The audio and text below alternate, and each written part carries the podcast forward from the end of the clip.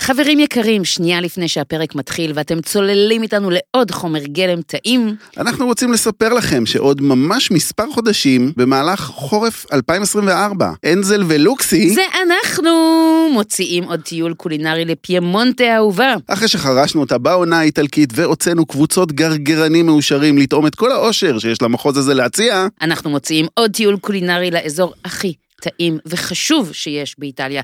נאכל במסעדות משוגעות, נבקר אצל יצרנים קטנים, נצוד קמעין עם מרקו ונלמד להכין אוכל פיימונטזי מסורתי. עם רפאלה. רפאלה. ונקנח במסעדת משלן. בקיצור, תכינו את הקיבה, את שרירי הלסת, כי זה הולך להיות כיף גדול. תתחילו להתחתב מעכשיו. לפרטים נוספים, להרשמה, פנו אלינו ברשתות החברתיות, היא אפרת קו תחתי אנזל, אני אורן לוקסי, אתם כבר מכירים אותנו, או שפשוט תיכנסו לאתרים שלנו ותירשמו לרשימת התפוצה. ההסכת לדבר זה לא משמין משודר בשיתוף פעולה עם השותפים שלנו לדרך, קפה עילית, שבעזרתם, באמצעותם ובזכותם אנחנו ממשיכים להקליט ולשדר לכם תכנים מרתקים כל שבוע, גם בימים טרופים אלו. לוקסי, בוא נתחיל.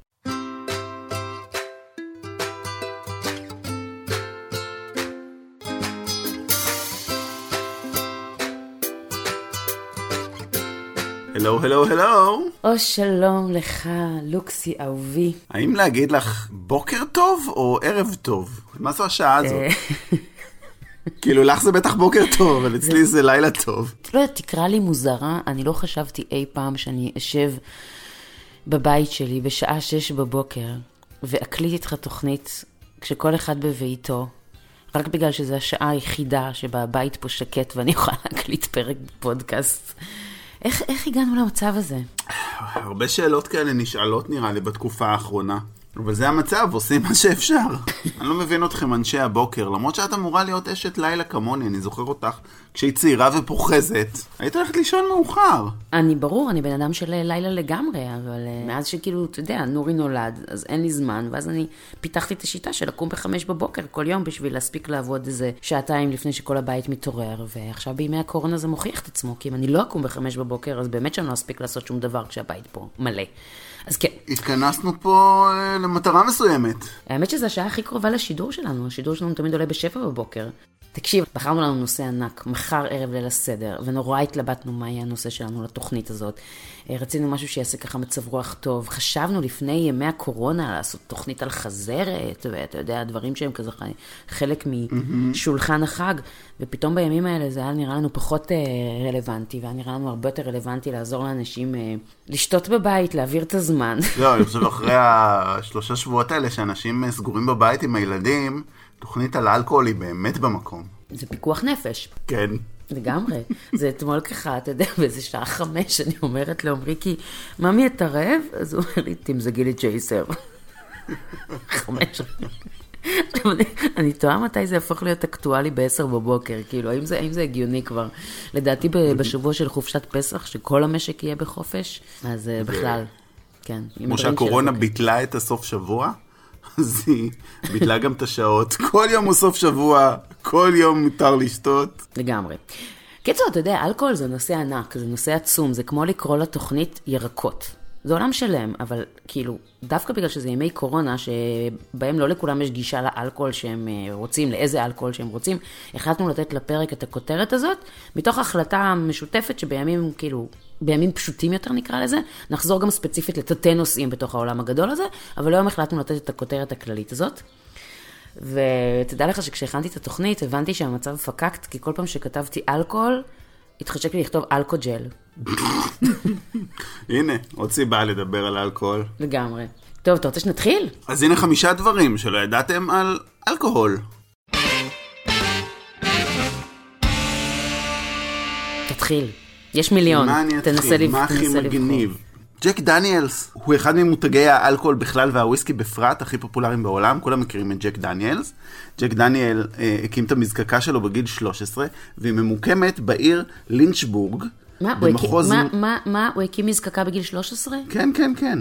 אגב, כשהוא הקים את זה לפני 150 שנה, גיל 13 כבר היה גיל לחלוטין ריאלי ל- לצאת לעבודה. בסדר, אבל לא לפתוח מזקקת אלכוהול. מסתבר שכן. אוקיי. בכל מקרה, המזקקה ממוקמת בעיר ליצ'בורג במחוז מור שבטנסי. עכשיו, נכון בארצות הברית היה את הפרויבישן, היה איסור על מכירת אה, משקאות חריפים ברמה הפדרלית. כן. זה היה בשנות ה-20. כן. הם ביטלו את האיסור הזה, אבל החוקה לא אוסרת על מדינות ומחוזות מסוימים לחוקק חוקים מקומיים שמגבילים את סחר האלכוהול בתחומם, ומזקקת ג'ק דניאלס נמצאת במחוז הזה, מחוז מור, הוא מחוז יבש, אסור למכור בו אלכוהול. אוקיי. ולכן ג'ק דניאלס לא נמכר בכלל במחוז שהוא מיוצר בו, ואין אף בר משקאות בכל האזור הזה. מגניב. עובדה הבאה. ארוך ממש, אבל מגניב. זה ארוך רק בגלל שמישהי מפריעה לי כל הזמן לסיים שני משפטים. אוקיי, סליחה. טוב. קוקטייל מרטיני. אחד הדברים שאתה יותר אוהב לשתות זה ערבוב של אה, ג'ין עם אה, ורמוט. ואנחנו יודעים שככל שיש בקוקטייל פחות ורמוט, ככה הקוקטייל נחשב אה, יבש יותר, נכון? dry martini, extra dry. ככל שיש פחות ורמוט, אז ככה הקוקטייל יותר יבש. אז מספרים על ווינסטון צ'רצ'יל, שהיה אלכוהוליסט ידוע, אגב, שהוא אהב את הקוקטייל שלו מאוד מאוד מאוד יבש. איך הוא היה מכין את הקוקטייל שלו?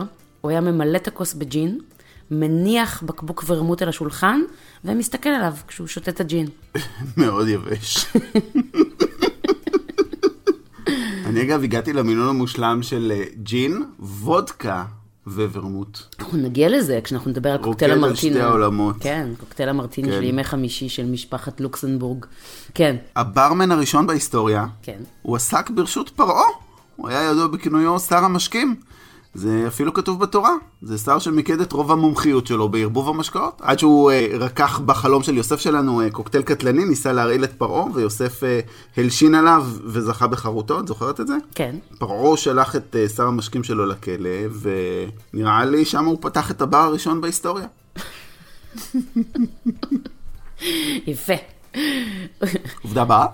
קובה ליברה, אולי הקוקטייל הכי ידוע שמבוסס על רום, רום עם קולה בעצם. והמותג של בעלך. כן, זה השם של החברה שלו למוזיקה לאירועים. אה, בקיצור, קובה ליברה, הקוקטייל הכי ידוע שמבוסס על אה, רום, רום עם קולה. ואיך נוצר בעצם הקוקטייל הזה? האגדה מספרת שבשנת 1961, כשפרץ המשבר בין אה, קובה לארצות הברית, אז פידל קסטרו עמד ונאם בפני העם. וכשהוא סיים לנאום, אז הוא לקח כוס, הוא מילא אותה ברום, שזה אחד הסמלים של קובה.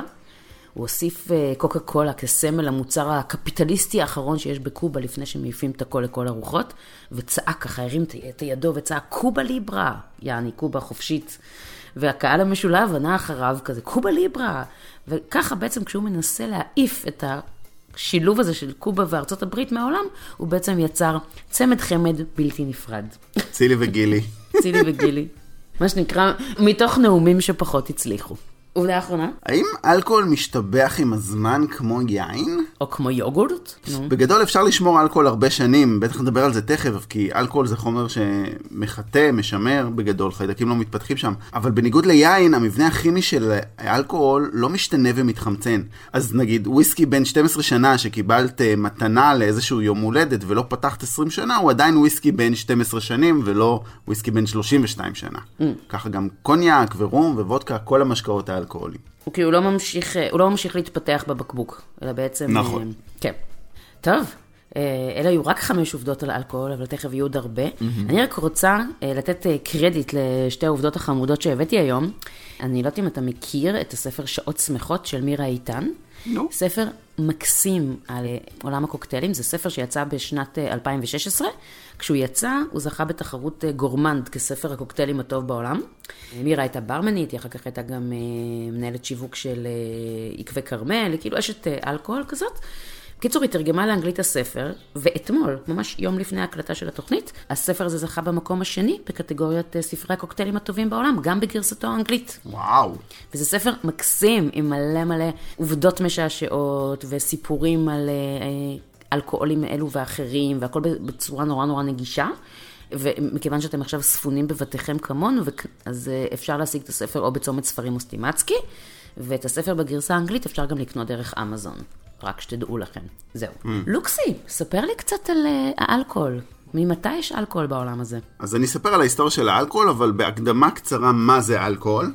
אלכוהול למעשה זה איזשהו תוצר של פירוק של אה, שמרים, של סוג של פטריה. הפטריה אוכלת את הסוכר שבדרך כלל יש בפירות או בדגנים ומפרקת אותו גם לאתנול וגם לפחמן דו-חמצני. האתנול הזה זה האלכוהול שאנחנו צורכים. עכשיו יש הרבה סוגי אלכוהול בטבע, אבל האתנול זה האלכוהול היחיד שהוא, הגוף שלנו יודע לפרק. כן. זאת אומרת שהוא לא רעיל לנו בני האדם. כן. החוקרים גילו שהגוף האנושי יודע לפרק אתנול כבר בערך עשרה מיליון שנים, עוד הרבה לפני שההומו ספיאנס, האדם החושב, היה קיים בכלל. Mm-hmm. התיעוד הראשון שיש למשקה אלכוהולי כלשהו הוא מהאלף השישית לפני הספירה. וואו. אה, זה כמובן היה יין ובירה, משקה כזה, לא משקה ספיריט כמו שאנחנו מתרכזים בהם היום. Mm-hmm. השחרים הראשונים האלה נתגלו כנראה באזור ארמניה של היום, באזור 6,000 לפני הספירה. זה כנראה אה, עמים שגילו שהמיץ ענבים שהם מגדלים תוסס באופן טבעי. מכיר את הסיפור הזה, כן. כנראה שכחו, שתו, נהנו. עוד משקה שאהבו מאוד אז זה התמד, המד, זה דבש בארמנית. דיברנו עליו בפרק הדבש. נכון, זה שחר שמפיקים באמת מתסיסה של דבש שדולל במים. באזור שנת 3000 לפני הספירה הסינים נחשפו לאלכוהול, ואחריהם גם הבבלים, המצרים, זאת אומרת הפרעונים, הרומאים, היוונים. לא יודעים בדיוק מתי גילו את האלכוהול, כי לכל תרבות יש את האלכוהול שלה. זה רק מוכיח את הנקודה שכמה הנושא הזה רחב באמת, זה כמו ירקות. בכל מקום היה ירקות, רק יש ירקות שונים. נכון. בכל מקום היה אלכוהול, רק בכל מקום יש את האלכוהול שלו. נגיד במזרח הרחוק אנחנו יודעים שהם עושים את זה מאורז, אירופאים עושים מענבים, המצרים בהתחלה היו עושים את זה מדייסה, זאת אומרת מדגנים. אחת העדויות הכתובה הראשונה לצריכת האלכוהול היא כתובת טיט מארם נהריים, משנת 3200 לפני הספירה, שכתוב בה, וזה בתרגום חופשי, שאם אם רוצה להבטיח את בריאות בנה, היא צריכה לדאוג לו לשני כדי בירה ביום.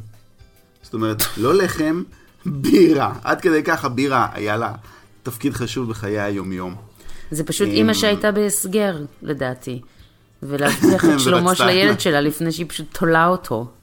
אז בירה הייתה מאוד חשובה אז בחיי היומיום. זה היה פולחן לאלים, זה היה במרכז של טקסים דתיים, של אירועים חברתיים. יש מאמר שפורסם על ידי המרכז לחקר נושאים חברתיים באוניברסיטת אוקספורד, שמצביע שדווקא האלכוהול ולא הלחם, כן. בגללו האדם ביית את גני הבר. לא כדי לייצר לחם, אלא לייצר אלכוהול. מעניין. אנחנו יודעים שכל ביות גני הבר גרם להתפתחות החברה החקלאית, ואיתה כן. גם התרבות שקיימת היום. זה נשמע לי מה זה מוזר. הדגנים שגדלו באותה תקופה במזרח התיכון, לא באמת היה פשוט להכין מהם לחם. היה צריך להעביר אותם תהליך מייגע כזה של קילוף, של עיבוד, של טחינה. אבל הדגנים האלה מאוד בקלות שימשו להפקת בירה. הבירה השומרית שהתפתחה מאוחר יותר הייתה מאוד מאוד מזינה, היה בה אחוזי אלכוהול מאוד מאוד גבוהים. אז אומרים שדווקא האלכוהול הוא זה ששיפר את סיכויי ההישרדות של המין, עודד את ההתיישבות, סלל את כל הדרך הזאת להתפתחות של התרבות האמיתית. זיקוק של אלכוהול כאלכוהול ולא כיין או בירה זה מספוטמיה, אה, קצת אחרי זה. הם דווקא השתמשו בזה כדי לייצר פסמים ותמציות כאלה. המילה סימפוזיון, mm-hmm. המקור שלה מיוון העתיקה, זה מתאר התכנסות של גברים לערב של שיחות ושתייה. אוקיי. ואלכוהול שימש גם מרכיב מאוד חשוב במלחמות. בטח בתקופה של הצבא הרומי, שהיו שותים פשוט אלכוהול ולא יין. אני חושב שדיברנו על זה באחד הפרקים. אה, אני לא כל כך זוכר, אבל מי שתייה בהרבה מקומות גם היו, היו מזוהמים. מזוהמים, וגם היו מרעילים אותם כדי לנקום בצבא שבא לכבוש. אלכוהול היה גם בטוח יותר לשתייה, וגם מחטא טבעי, וגם עזר להם להילחם פנים מול פנים, מול האויבים שלהם, כשהם שיכורים ומבסוטים, ולא כשהם אה, עצבניים וחרדים. אלכוהול פשוט מוריד, אז- מוריד עכבות וגורם לך לעשות שטויות, כמו למשל להסתער קדימה. זה, זה אגב באמת חלק מהמלחמות, גם בשלבים יותר מתקדמים, שסיפקו לחיילים אה, אלכוהול. נכון? אז כל, כל מדינה והאלכוהול שלה. נפוליאון השקע את החיילים שלו, סטלין, סטלין השקע את הצבא הרוסי. ב-200 עד 300 גרם וודקה ליום זה היה הקצבה לכל חייל. כן. זה כמו שאנחנו יודעים עזר להם אה, גם לנצח במלחמת העולם וגם ליצור אומה של אלכוהוליסטים. אני לא ממש. יודע להגיד את זה, אבל זה מה שקרה אחרי מלחמת העולם. אתה יודע שכשילצין עלה לשלטון, אה, 20% מאוכלוסיית אה, ברית המועצות הייתה אלכוהוליסטית, בגלל כל הגישה הזאת. כן. היה שם עוד סיבה, אגב, מאוד מעניינת, מה? שהמזקקות אה, של הוודקה היו בבעלות המדינה, ובעצם היה אינטרס כלכלי אה, להשקות באלכוהול, וככה כן. בעצם נוצר האלכוהוליזם הזה. אבל באמת, זה היה בכל מדינה, אתה יודע, גם החיילים של הצי הימי הבריטי, עד 1970 הייתה להם הקצבה יומית של חצי פיינט, זה המון, זה רבע ליטר של רום. וואו. כאילו, חצי פיינט זה רבע ליטר של רום ביום. נשמע לי לא רע דווקא, אני חייב להגיד. להילחם ככה, כשאתה ב high טבעי כל הזמן, הוא לא טבעי, אבל הוא כל הזמן. כן, לגמרי. אז uh, זו ההיסטוריה של האלכוהול. ההיסטוריה הזאת היא כל כך רחבה, באמת כמו שאתה אומר, כי בכל אומה, בכל אזור בעולם מתפתח אה, האלכוהול שלו, ואני חושבת שזה זמן טוב לעשות ככה סדר, שנייה, על עולם האלכוהול, ולהסביר על המשפחות שלו, בשביל למקם את האנשים, וגם אחר כך כשאתה רוצה להכין דרינק בבית, ברגע שאתה מבין את המשפחות, אז נורא ברור לך בתוך מה אתה פועל, בתוך מה אתה יוצר. אני אעשה את זה ממש קצר, מה שנקרא, כי כן. זה ש- שיעור מבוא לברמנים אה, ביתיים. מי השחקנים המרכזיים? אז כשאנחנו מסתכלים על הדיספליי שלנו של האלכוהול, אז המשפחה העיקרית הראשונה זה מה שנקרא המשקאות הלבנים, שבתוכה יש את הוודקה, הג'ין, הרום והטקילה.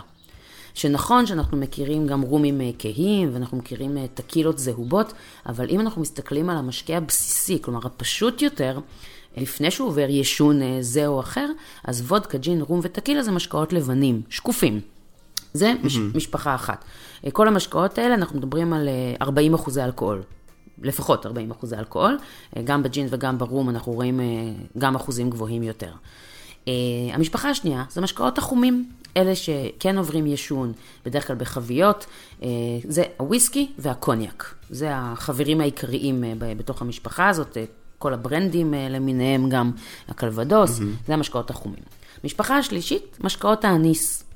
הערק, האוזו, הפסטיס, הריקארד, כל אלה שיש בהם את הטעם, או שאתה אוהב אותו או שאתה שונא אותו. כאילו, אני באמת מעולם לא פגשתי בן אדם שנשאר אדיש לטעם האניס. אני אוהב אניס נגיד בשומר, אבל אני לא אוהב ערק. אני גם ככה, אני לא אוהבת ערק, אני לא יכולה להריח אפילו אוזו, אבל אני מאוד אוהבת בישול עם אניס. כן, עם מרק אני מסכים איתך. וזה.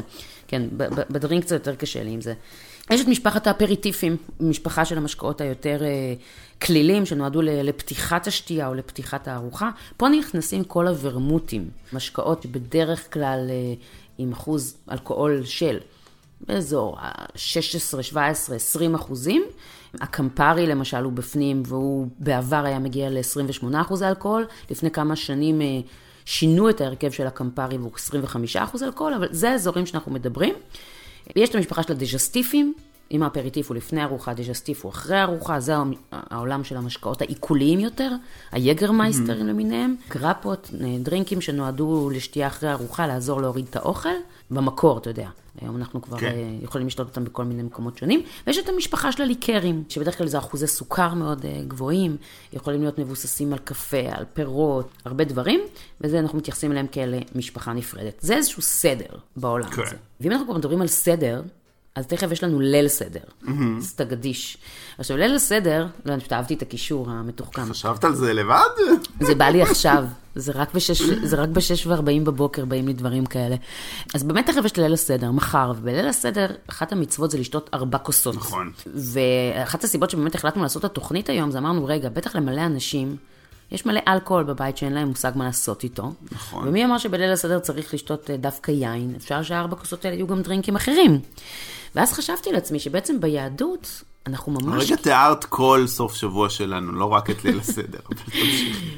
ואז חשבתי על זה שזה מאוד מעניין שביהדות יש לנו ממש מצווה לשתות, מוכרחים להיות שמח. גם בסדר, אנחנו מצווים לשתות ארבע כוסות. אבל לא בכל הדתות זה ככה, ברוב הדתות אסור לשתות אלכוהול, נכון? מה זה אסור? תראי, שלושת הדתות הגדולות, לא שהיהודים הם כזאת דת גדולה, אבל הם עדיין דת מרכזית, אז אצלנו האלכוהול או היין הוא נחשב למשקה מאוד מאוד חגיגי. זאת אומרת, אנחנו משתמשים בו גם כדי לציין ימים קדושים, גם כדי לחגוג אירועים משמחים, בחתונה זה מצווה לשתות יין, זה המשקה היחיד שיש לו ברכה משלו, בורא פי הגפן. נכון. בכניסת שבת אנחנו שותים כוסית יין בקידוש, אנחנו במוצאי שבת. ממסטל, ממסטלים את הילד שנייה אחרי שהוא נולד בברית. נכון, כמו שאמרת, ליל הסדר, ארבע עינות, זאת אומרת, מאוד מאוד חשוב ביהדות לשתות.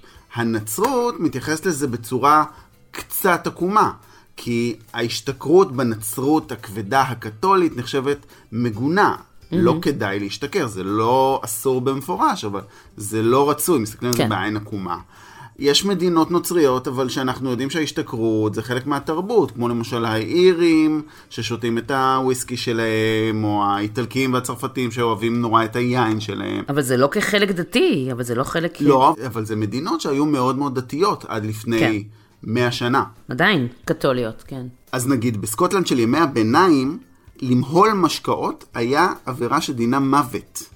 זאת אומרת, עד כדי כך הם התייחסו לאלכוהול שלהם, שבעלי מזבעות בתקופה הזאת נהנו ממעמד חברתי יותר מאשר אנשי כמורה. אני חושבת שעד היום מישהו שמועל לאלכוהול דינו מוות. והכי חשוב, המקור של כל הנצרות, הטקסים של ישו, שתיית היין שהוא דמו של ישו. זאת אומרת, זה כן מושרש בבסיס הדת שלהם. וגם אנחנו יודעים שהרבה מנזרים שימשו כדי לייצר באמת משקאות ויין. יש המון המון מותגים שהם פשוט מבוססים על המנזרים שהם כן. יוצרו שם. ו... אגב, רק הערת ביניים קטנה, שהליקרים שהמנזרים עושים, כאילו בגלל שהם עושים את זה כל כך הרבה שנים, הם הגיעו לדרגת מומחיות כזאת גבוהה. ליקרים שמיוצרים במנזרים, הם מדהימים. גם השרטרז, גם הבנדיקטין, זה פשוט כזה כיף לשתות אותם. הם כל כך נכונים, כאילו אתה מרגיש שיש מאות שנות ידע בתוך הבקבוק. לא סתם הם כאלה טעימים, שרטרז זה אחד הדרינקים שאני יותר אוהבת. כן, מה קורה באסלאם? אנחנו יודעים שבאסלאם יש איסור מוחלט על שתיית משקאות חריפים. יש ציווי, אה, הציווי הזה נקרא חרם, שפירוש המילה היא חטא, והמקור שלו הוא במשפט המוסלמי, הפיקה. זה כמו ההלכה של היהודים, אבל דווקא בגלל שהפיקה זה פרשנות של מלומדים ולא באמת הכתב של הבורא, זה גם נתפס בעיני מוסלמים מסוימים כמצווה לא קדושה. אז יש חוסר הסכמה לגבי הסיפור הזה בקרב זרמים מסוימים. וואלה. כן.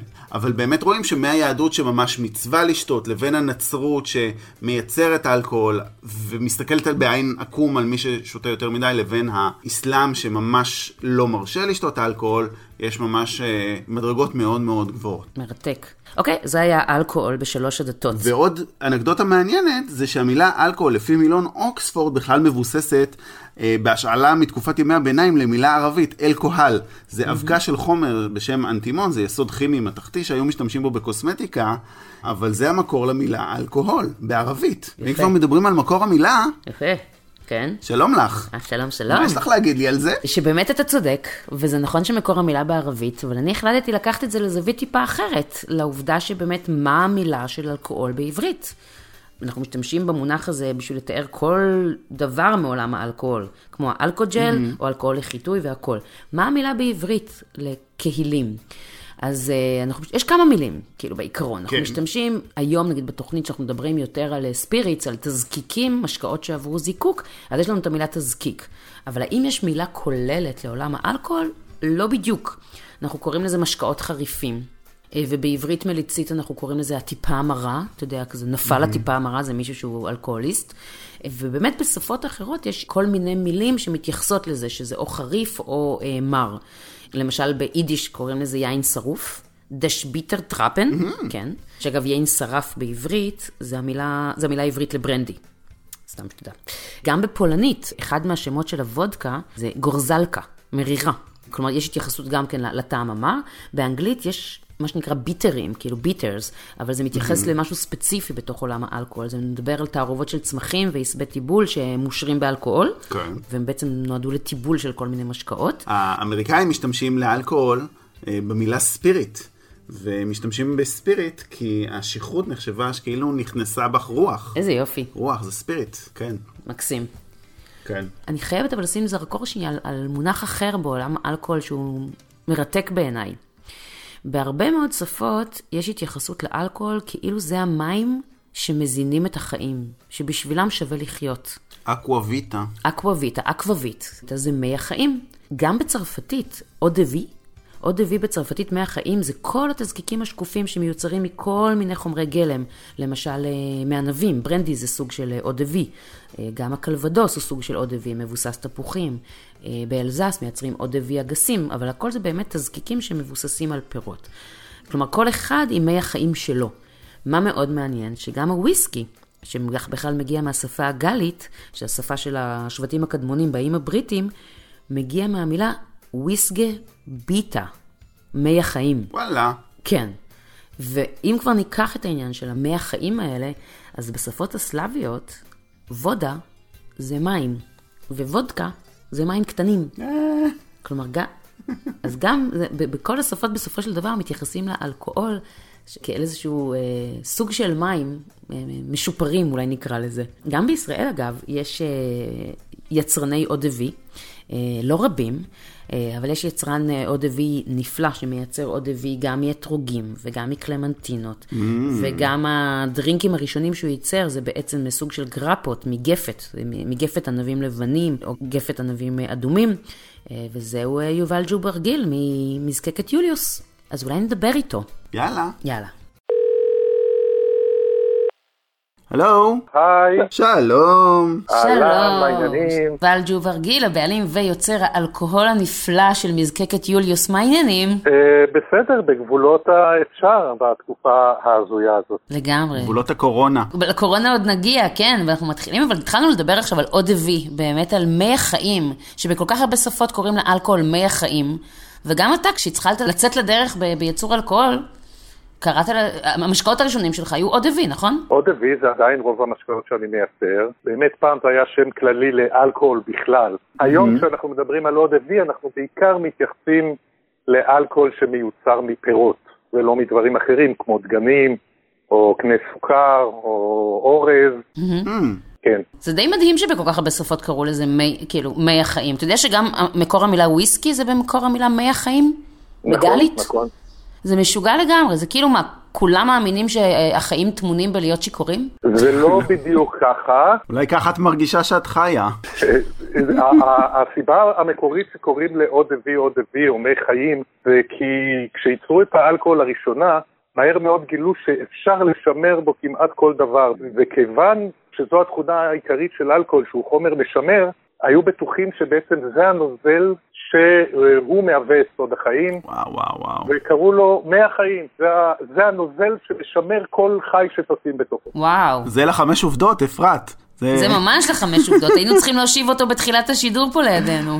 אשכרה. עד היום אלכוהול הוא חומר משמר, ו- ולכן כל דבר, תיקחו היום בקבוק וודקה ותזרקו פנימה איזשהו פרי או איזשהו זרע או איזשהו אה, צמח, אה, הוא נשאר שם טבול בתוך האלכוהול ולעולם לא יתקלקל. אתה יודע, הרבה פעמים אנשים חושבים שהאלכוהול הראשון שהיה על פני כדור הארץ זה היין, אבל אה, אם אני זוכרת נכון, לפני איזה חצי שנה, בראש השנה אתה ייצרת, או לפני שנה וחצי, סליחה, ייצרת תמד.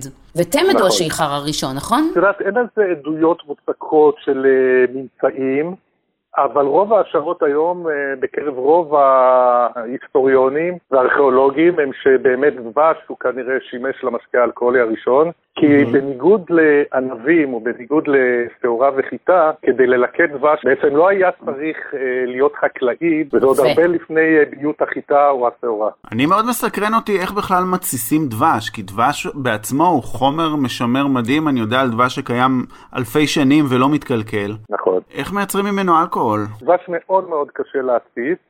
א', אנחנו צריכים למהול אותו בכמות אה, נכבדה של מים ולדלל אותו, כי דבש באמת בצורתו הצמיחה המרוכזת הוא בלתי ניתן להתססה, לכן אנחנו צריכים לעשות מי דבש. בעצם המילה תמד מתארת מי דבש, עוד לפני הצורה המוצצת של הדבר. אוקיי. ואת אותם מי דבש, כשמוסיפים להם שמרים, הם מתחילים לתפוס, ובניגוד ליין או בניגוד לפירות אחרים, זה תוסס הרבה הרבה יותר לאט, בדיוק בגלל אותן סיבות שדבש הוא מלכתחילה חומר אנטי-בקטריאלי.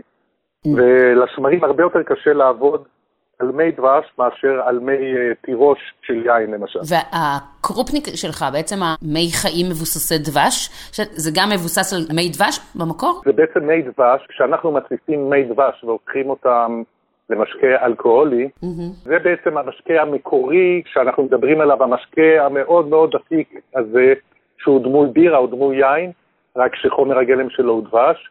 אני לוקח אותו בקרופניק צעד אחד הלאה, ולוקח את אותו צמד ומזקק אותו במזקקה ומפיק ממנו את האלכוהול, וממשקה בחוזק של 7 או 8 אחוזי אלכוהול, הוא הופך להיות משקה בחוזק של 40 או 45 אחוזי אלכוהול.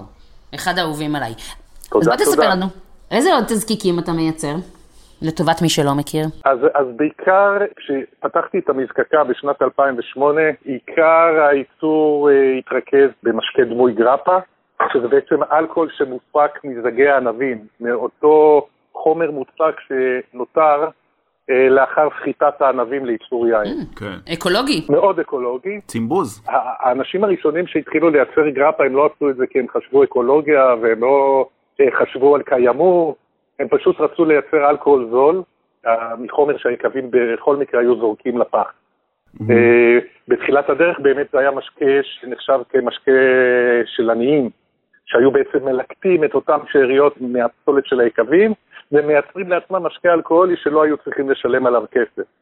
ברבות הימים התחילו להבין שגם בגרפה יש איכויות משתנות, ויש גרפה טובה יותר וגרפה טובה פחות, וזה מאוד קשור לזני ענבים שמהם הגרפה מופקת, ובייחוד בשני העשורים האחרונים גרפה הפכה להיות משקה בעל סקס אה, אפיל שלעיתים אף אה, יותר גבוה משל אה, קוניאקים משובחים. זה נכון. כן. ומה עוד? ומה עוד? אז חוץ ממשקאות על בסיס גפת ענבים, אני מזקק כל פרי שאני יכול לשים עליו יד ומקורו בגליל, זה יכול להיות שזיפים שמהם מכינים סליבוביץ', ואפרסקים, ותפוחים שמהם מכינים ברנדי תפוחים, מזקקים אה, קלמנטינות ואתרוגים, ובעצם כל חומר גלם שקיים בארץ ובצורה זמינה, אז אני מייצר ממנו אלכוהול, וזה הכל מאוד מאוד עונתי, בקיץ בעיקר בפירות נשירים כמו שזיפים, תפוחים וכמובן ענבים, ובחורף יותר פירות אה, חורפיים, שזה כמו הקלמנטינות, בחורף אנחנו עושים את הדבש, ובאביב אה, בעיקר מזקקים ג'ין, שג'ין, משקה קצת שונה מכל האחרים שהזכרתי עד עכשיו, שזה משקה שהבסיס שלו הוא בעיקר אה, בוטני, זאת אומרת, שלל עשבים, עלים, תבלינים, שגם כן קיימים בשפע באופן טבעי בגליל שלנו. הג'ין שלי מתובל בעלי דפנה, בכוסברה, באילת המסטיק, בעלי זית. וכולי וכולי. וואו. אם מדברים על משקאות בוטניים, אז אתה יצאת עם משקה חדש, אני מחזיק את הבקבוק ביד, אני חייב לתאר אותו, זה פשוט הבקבוק הכי חמוד עלי אדמות. הכי חמוד.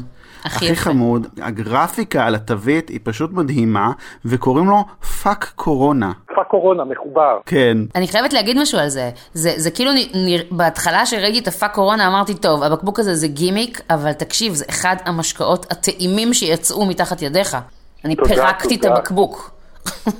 גם החזקים, אני חייב להגיד, הוא 50 אחוז, זה אלכוהול כמעט, אני יכול לחטא איתו את הבית. נכון, אתה יכול אפילו, אני לא הייתי ממליץ לעשות את זה כי חבל על המשקה היקר, אבל אפילו להשתמש בו כאלכוג'ל, אתה יכול ככה לשפוך מעט על היד, לשפשף בין אצבעות, וגם... עכשיו, מעבר לזה שהבקבוק נורא יפה, הנוזל עצמו, זה כמו קסם, הוא אני לא יודע להגיד אם הוא אדום או ירוק או כחול, או מה הצבע האמיתי. הוא משנה כל הזמן את אה, גווניו בהתאם לתאורה ומכיוון התאורה, זה מדהים, לא תכננתי את זה, זה ככה יצא, אין לי מושג איך זה יצא. זה פשוט קסם. כשערבבנו את כל המרכיבים שמכילים את המשקה הזה, אה, זו תופעה ששמנו אליה לב תוך כדי הסינון של המשקה, ואין לי מושג אה, איך זה קרה, אבל זה קרה כנראה בגלל התכונות המשתנות של כל צמח וצמח, ולכל אחד יש את הגוון שלו, והשילוב של כולם ביחד זה קצת כמו ערבוב של אה, צבעים כזה על פלט הצבעים, זה משהו מטורף, כן,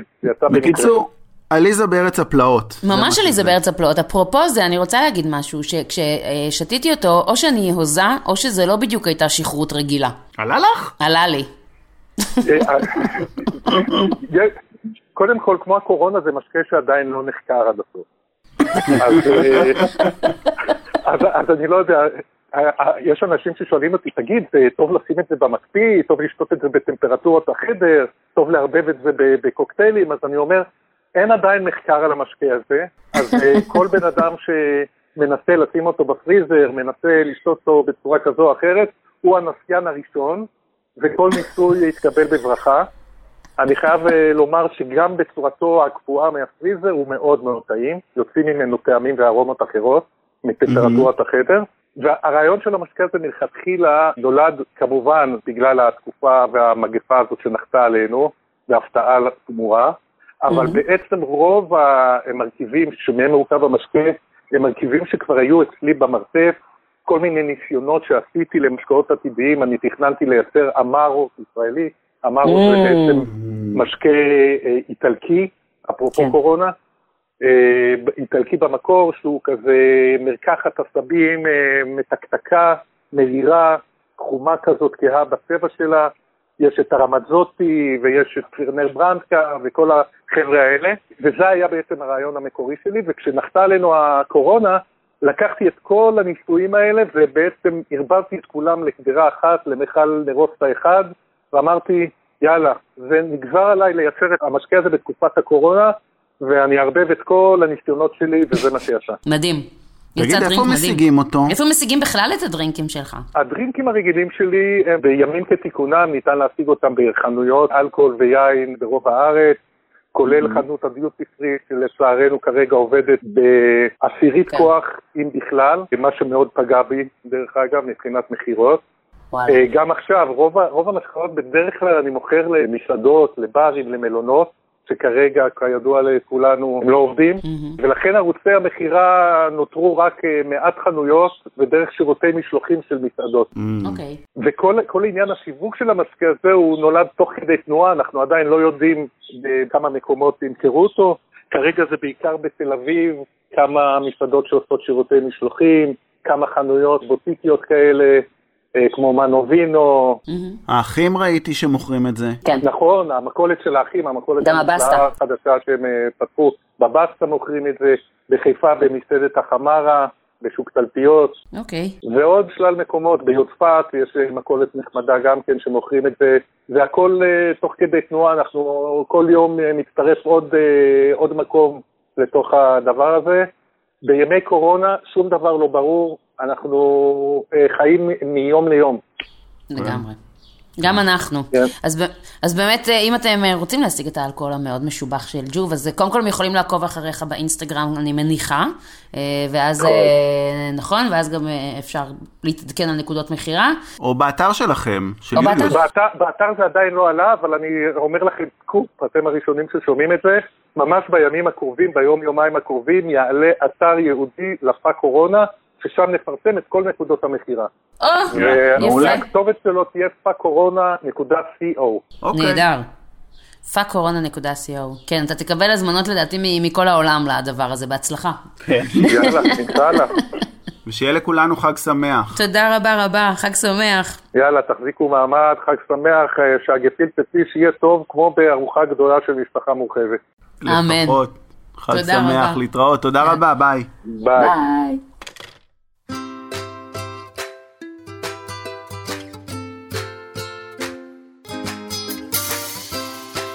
אנחנו עכשיו יום שבת, שש בבוקר, זה הזמן שמתבצעת ההקלטה הזאת. כן. כבר שבע תכף. כן. אני ישנתי אה, שעתיים, כי ביליתי את יום חמישי שלי, כמו שאני רגיל, בלשתות.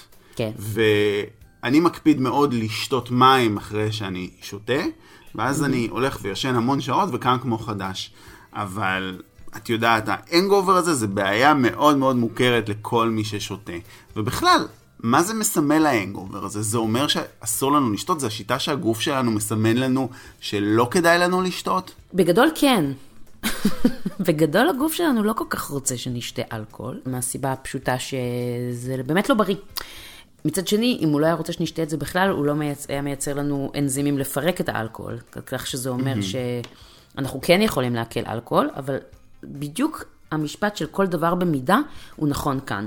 אני חושבת שאין צורך להרחיב על למה אלכוהול לא בריא, כי א', אנחנו בתקופה של תעזבו אותנו באמא שלכם, תנו לנו לשתות קצת, וב', כי זה ידוע.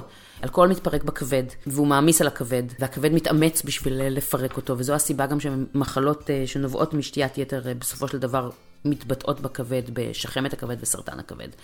יש משפט מאוד מאוד ידוע, שאגב תלוי גם בשירותים של האימפריאל, שאומר, find what you like and let it kill you, mm. שזה די ככה מתאר את היחסים של המין האנושי עם אלכוהול. תמצא מה שאתה אוהב, אבל אם לא תשתה במידה, אז באמת זה יהרוג אותך. אבל באמת אפשר גם אם שותים אלכוהול לעשות את זה בצורה הרבה יותר אה, נבונה ממה שהרבה אנשים עושים. בעיקר בצעירותם, כשאנחנו מתבגרים אנחנו מבינים שזה פשוט לא שווה את המחיר של האנגובר של היום שאחרי, ואתה באמת עושה את הדבר הכי בריא, לשתות מים במקביל. על כל דרינק אחד mm-hmm. צריך לשתות לפחות כוס מים אחת. כשדרינק אחד, אם אנחנו מנסים לכמת את זה, אז זה קצת יותר מצ'ייסר נחשב לדרינק, שליש בירה נחשב לדרינק, חצי כוס יין נחשבת לדרינק. אז באמת על כל כמות כזאת צריך לשתות כוס מים בשביל אה, לא להתייבש, כי הסיבה העיקרית להנגאובר זה פשוט התייבשות. אנחנו מיובשים. Mm. טיפ נורא נורא נורא חשוב להתמודדות עם הנגאובר, זה להכניס אנרגיה לגוף, כלומר פירות, זה הדבר הכי טוב שיכול להיות, בננה, מיץ תפוזים, אה, דווקא פחות קפה שמכווץ את הכלי דם, אלא יותר אה, דברים ש... שיעזרו לגוף להשתקם. Mm-hmm. והדבר הכי חשוב זה לא לקחת אקמול. אתה יודע את זה? לא, באמת? הדבר הכי, כן, הדבר הכי גרוע להנגאובר זה אקמול, וגם יש אנשים שכשהם יוצאים והם יודעים שהם הולכים כאילו להשתכר ואחר כך כואב להם הראש, הם לוקחים אקמול. אל תיקחו אקמול, תיקחו כל כדור אחר. יכול, אתם יכולים לקחת אופטלגין, אתם יכולים לקחת אה, נורופן או אדוויל, לא אקמול. למה? האקמול והאלכוהול מתפרקים בדיוק באותו מקום בכבד. אותו אנזים גם מפרק אותם בכבד. ומה שקורה שברגע שאתה גם שותה אלכוהול וגם אה, אה, לוקח אקמול, הם כאילו מתחרים על אותו מקום בכבד.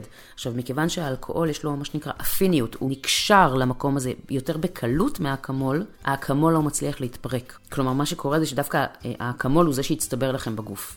אז אם אתם אה, שותים הרבה, אז לא אקמול, קחו כדור אחר.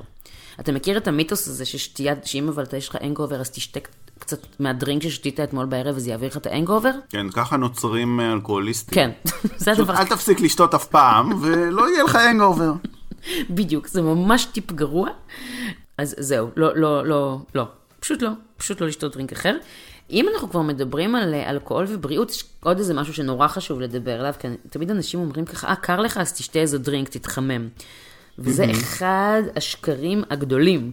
למה? כי באמת כשאנחנו שותים אלכוהול, אז יש לנו תחושה של חום. נכון. כי אלכוהול גורם כזה להתרחבות מיידית של אה, כלי הדם ולתחושה נינוחה וחמימה. אבל אה, למעשה, אם אנחנו נמצאים במקום קר, הדבר הכי חשוב זה שהכלי דם שלנו יתכווצו. בשביל לשמור על חום הגוף שלנו. Mm-hmm. ולכן, אם אנחנו שותים אלכוהול, אנחנו בעצם נרגיש חום לרגע אחד, אבל מיד הגוף שלנו יתקרר הרבה יותר. Mm-hmm. כי זה הדבר הכי מסוכן שבן אדם יכול לעשות בקור, זה לשתות אלכוהול. כאילו, תחשוב על כל המראות של אה, הומלסים. זה בדיוק מה שעלה לי לראש, כן. איזשהו הומלס בשלג ששותה את המשקה שלו כדי להתחמם. ובעצם מת יותר מהר. כן. כן. אבל זהו, תשתו באחריות, אל תנהגו. אבל מכיוון שאתם לא יכולים לנהוג עכשיו גם ככה, אז פשוט יאללה, עמק, תשתו. פשוט תשתו. לא, זה מצחיק, כי האלכוהול ובריאות, זה נראה לי החומר גלם היחיד שדיברנו עליו אי פעם, שהוא בהגדרתו פשוט לא בריא. כן. אנחנו תמיד מחפשים את הפן הבריאותי, יש בזה סיבים, יש בזה נוגדי חמצון, האלכוהול זה פשוט רעל טהור שאנחנו שותים, והוא עושה לנו טוב על הנשמה. כן, אגב, אם נשים פה כוכבית מאוד חשובה, בבירה יש דברים מאוד בריאים וביין יש דברים מאוד בריאים, אבל אנחנו לא מדברים עליהם בתוכנית פה, היום אנחנו מדברים כן. על אלכוהול, ואלכוהול באמת זה לא דבר בריא. מה שמצחיק זה שבתרופות סבתא, או בוא נגיד בתרבויות העתיקות שהסבתות שלנו הגיעו איתם, דווקא כן משתמשים בכל מיני שיטות באלכוהול, נגיד למרוח ערק על הבטן כדי לעזור למחלה לעבור. מישהו פעם זה עזר לו, אתה חושב? מישהו פעם עזר לא לו? אני לא חושב, אני לא חושב, זה, זה קשקוש בלבוש.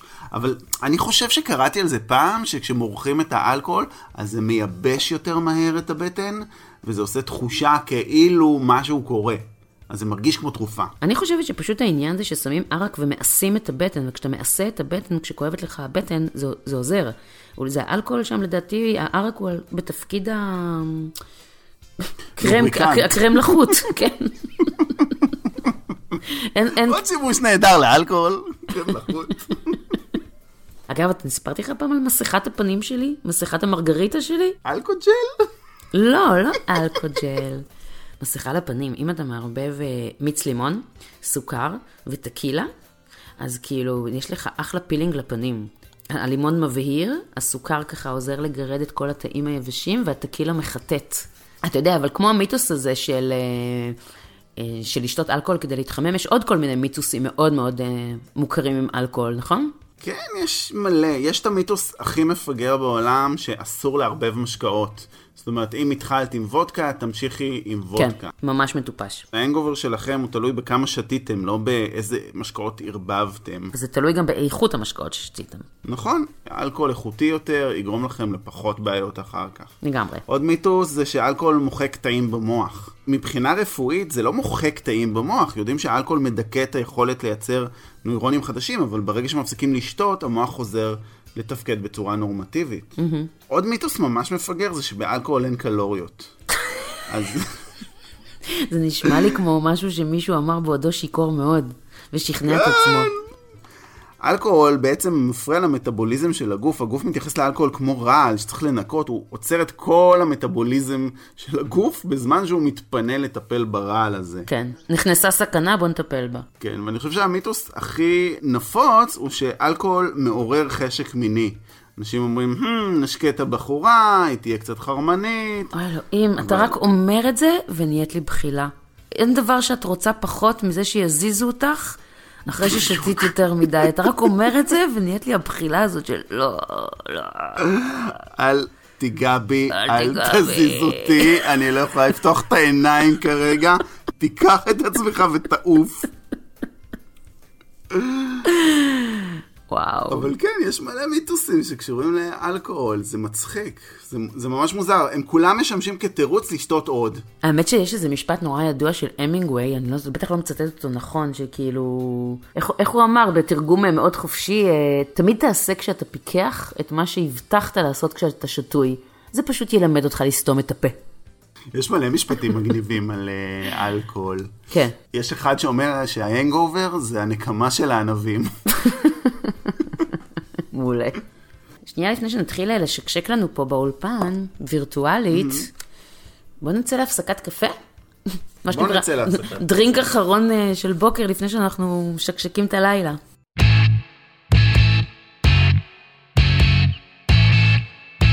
הפינה הפסקת קפה משודרת בשיתוף פעולה עם השותפים שלנו לדרך, קפה עילית, שעוזרים לנו להביא את התכנים כל שבוע. ומה בפינת הקפה שלנו היום, לוקסי? הקורונה בפתח, ואנחנו הצטיידנו לנו בערימות של מוצרים. נכון. וביניהם בטוח גם אנשים הצטיידו בקפה. כי איזה לחץ זה להישאר בבית בלי קפה. פחד אלוהים, זה כמעט כמו להישאר בבית בלי אלכוהול. פחד קיומי. בכל מקרה, אני חשבתי שאולי נסביר קצת למאזינים איך הכי טוב לאחסן קפה. מעולה, רעיון מעולה. כי קפה זה אחד המוצרים שיש בו הכי הרבה חומרי טעם וריח. זה כמעט פי ארבע נגיד מהמרכיבים שיש ביין, שגם יין הוא נורא נורא מורכב, והאתגר שלנו באמת הוא איך שומרים את כל הארומות האלה כדי לקבל את המקסימום מהכוס קפה שלנו. אז אני התייעצתי ככה עם המומחים של קפה עילית, שייתנו לנו טיפים איך הכי טוב לשמר באמת את המוצרי קפה שלנו, לפני וגם אחרי שפותחים את האריזה. אוקיי. האויבים הכי גדולים של קפה שיכולים לפגוע בטריות שלו, אני רוצה לנחש. כן. חום וחמצן. נכון, חום, חמצן, ויש עוד גורם שהוא לחות. אוקיי. עכשיו, את מכירה את השיטה הזו של לפתוח שקית של קפה טורקי עילית כזה, ולסגור אותו עם uh, עטב כביסה? לא טוב? לא טוב. לא סתם קפה תמיד מגיע באריזות אטומות, וגם הקפסולות אטומות, גם אם קונים קפה בצנצנת, אז יש את האיתום הנוסף הזה עליו, שלא לדבר על השקיות האלה. עכשיו, אנחנו מדברים רק על פתרונות אחסון כדי לשמור על טעם, כן? בואו נדגיש שטריות של קפה לא גורמת לו להתקלקל אם לא שומרים עליו טוב, הוא לא מתקלקל. כן, הוא פשוט יהיה פחות... טעים. כן. פחות ארומות, פחות אה, תענוג. ובעצם אנחנו רוצים את השלוק של הקפה הראשון שלנו של הבוקר, ואנחנו רוצים ככה את הצמרמורת הזאת שעוברת בעורף ולהגיד, "מ, כיף לי כרגע עם השלוק הזה, אני יכול להתחיל את היום. אז לכל סוג קפה יש את השיטה שלו לשמירה על טריות. במקרה של קפה טורקי למשל, אז כבר במפעל מקטינים את כל המגע שלו עם חמצן, והמוצר עצמו הוא מוצר נורא יבש, אז אין בו לחות. Mm-hmm. אז כשהוא מגיע אלינו, אז הוא בטריות מרבית, ואם לא פתחנו את האריזה, אז מומלץ לאחסן את זה כבר אז במקפיא. Mm-hmm. כי הטמפרטורה הנמוכה מאיטה את כל התהליך החמצון וההתיישנות של הקפה. אוקיי. אבל מה עושים אחרי שפותחים את האריזה? דווקא שם חשוב שלא לשים את הקפה במקרר, כי במקרר שלנו יש לחות גבוהה והיא תגביר את החמצון, אז מומלץ להעביר את זה לכלי אטום, סגור, לשים את זה בסביבה יבשה, בארון, אפילו כמו שהיא לשים את השקית בתוך קופסה סגורה ולשים אותה בארון, ומרגע שפתחנו את האריזה, אז הקפה בעצם מתחיל להזדקן, לאבד את הטריות שלו, אז מומלץ לשתות אותו כמה שיותר מהר. אז האידיאל הוא באמת לקנות קפה באריזות קטנות. כן. נגיד האריזות האלה של המאה גרם, שהן כן. האריזות הכי קטנות שאפשר לקנות בסופר, זה האידיאל. לקפה נמס יש אויבים אחרים, שזה בעיקר הלחות שיש בקפה עצמו, וגם בסביבה שהוא מאוחסן בה, אבל גם הטמפרטורות שמאחסנים אותה. אז אפילו שהקפה מגיע בצנצנת סגורה, יש כן. אטימה נוספת של אלומיניום למעלה, כדי לייצר באמת סביבה נטולת לחות. והחום גם גורם לקפה לאבד את הטעמים שלו. אז נגיד אנשים ששומרים את הקפה שלהם ליד הקומקום החשמלי, לא יכולים טוב. לפגוע בו פעמיים. לא, כי זה גם מחמם אותו. אני לא רוצה לפגוע בקפה שלי. וגם סביב ההלכה. אז לא טוב. אוקיי. לא טוב לשים אותו בארון ולא ליד הקומקום. אז, אז רגע, אז עד כאן, אם אני מסכמת, לא במקפיא, ולא במקרר, ולא ליד הקומקום. ארון סגור. לא מעל המקרר, לא ליד התנור. סביבה שהייתם מאחסנים, נגיד, בצל או תפוח אדמה, זה סביבה אידיאלית. אוקיי, אני אתחיל לאחסן אותו במגירת ירקות, בסדר. צמוד לבצל שלך. לא, אני מסתכלת כרגע, את בוהה במטבח שלי, ומגלה את קופסת הקפה שלי ממש מעל הקומקום, כי שם זה הכי נוח, זה פינת הקפה שלי. אבל מצד שני, אני שותה הרבה קפה, אז כאילו, אני מחסלת אותו די מהר. וזהו, הקפסולות מגיעות כבר אטומות באריזות בודדות, אז אין איתם בעיה, רק צריך לשמור עליהם במקום לא חם. וזהו, זה כל התורה, כאילו, לא מסובך לשמור על הקפה שלנו הכי טוב שאפשר, רק צריך כאילו כן. להקפיד על כמה חוקים מאוד מאוד פשוטים, וליהנות מהקפה כל בוקר מחדש. יאללה, מהמם, קניתי. אז אם אתה דיברת על אחסון קפה, אז בוא נדבר קצת על אחסון אלכוהול, ובכלל ככה על אה, מה קורה בבתים שלנו. כן. אז קודם כל, אחד הדברים החשובים זה גם את האלכוהול לאחסן במקום קריר ויבש, עדיף. אנחנו לא נרצה שהוא יהיה בארון אה, דווקא מעל התנור בבית, אנחנו נעדיף שהוא יהיה במקום יותר קריר. למרות שקשה מאוד לקלקל אלכוהול, בעיקר את אלה ב-40 הם יכולים אה, לה- להחזיק מעמד הרבה מאוד שנים בבית, אבל אה, עדיין לא צריך לאתגר. תמיד צריך לזכור שיחד ב, יחד עם אה, האלכוהול של ה-40 שלה, עם הוודקה והג'ין והרום והטקילה, יכול להיות שיש לנו שם ורמוטים, שאחוז האלכוהול בהם הוא נמוך יותר, אבל כן הם מתקלקלים הרבה יותר בקלות. אז דווקא את הוורמוטים, אחרי ששותים אותם, אחרי שפותחים אותם, כן כדאי לאחסן אה, במקום קריר ולצרוך אותם מהר.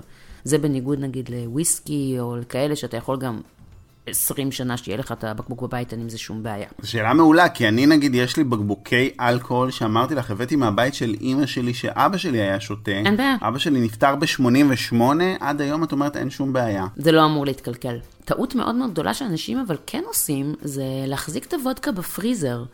אה, לא יקרה לה כלום, אבל אה, היא פשוט, לא נוכל ליהנות מכל הארומות שלה, זה קר מדי בשביל ש... שתוכל ליהנות מהריחות והאיכויות שלה. את הוודקה, אם אתם רוצים קרה, או שתאחסנו במקרר, או מה שאני עושה, כי בוא, אין לי מקום בפריזר בשביל בקבוקי וודקה, בטח לא בתקופה הזאת שכל מה שלא חיוני שיהיה בפריזר יצא לטובת חמאה. אני שמה את הצ'ייסרים בפריזר על דלת המקפיא, אני מאחסנת את הצ'ייסרים עצמם, ואז הם קרים, והוודקה עצמה היא מחוץ לפריזר. ואז אני פשוט מוזגת את זה, מוזגת לצ'ייסר קפוא, ומתוך שנייה יש לי וודקה קרה ונעימה. בואו באמת נדבר על מה צריך שיהיה בבית כדי לשתות. כן. צריך ככה, קודם כל צריך כוסות. זה כיף לשתות את הדרינק בכוס הנכונה שלו. אז שאני לא אומרת עכשיו לכו תקנו אה, מיליון סוגי כוסות. יש את ה long drink, שזה הכוסות הגבוהות, הכוסות שבהן אמורים לשתות בעצם משקה עם תוספת. יש את ה-old fashion או ה... lowball. lowball, lowball, שבעצם זה נועד לשתות וויסקי או הקוקטיילים היותר אה, מצומצמים. מה שאני מצאתי מאוד מאוד שימושי, יש בשנים האחרונות נורא קל למצוא כוסות יין בלי רגל. אתה יודע מה אני מתכוונת? כן, יש לנו כאלה. והכוסות האלה הן נהדרות, כי הן גם יכולות לשמש כ long drink, גם כ lowball, גם ככוס יין, גם מתאים לכל מיני פונצ'ים ומוחיטואים ודברים כאלה. זו כוס שהיא מאוד מאוד אה, רב-שימושית, ואז היא חוסכת את הצורך בהרבה כוסות בבית. הדבר הכי חשוב שצריך שיהיה לנו בבית כשאנחנו מכינים קוקטיילים, זה כוס מרטיני. זה כי את מאוד מרטיני. הכוס הזאת מסבה לי כל כך הרבה אושר, אני חייב להגיד. אני ממש אוהב אותה. איזה כוס את אומרת שחייבים? כמו שאמרתי, הכוס כוס יין נטולת רגל שימושית להמון המון דברים בבית.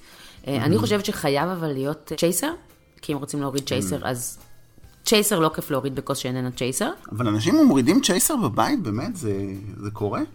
אז אני משתמשת בצ'ייסר גם ככוס מידה. צ'ייסר אמיתי הוא צ'ייסר של 30 cc, וזה מאוד מאוד נוח. וזה מוביל אותי לדבר הבא שרציתי להגיד שיהיה בבית, וזה כוס מידה.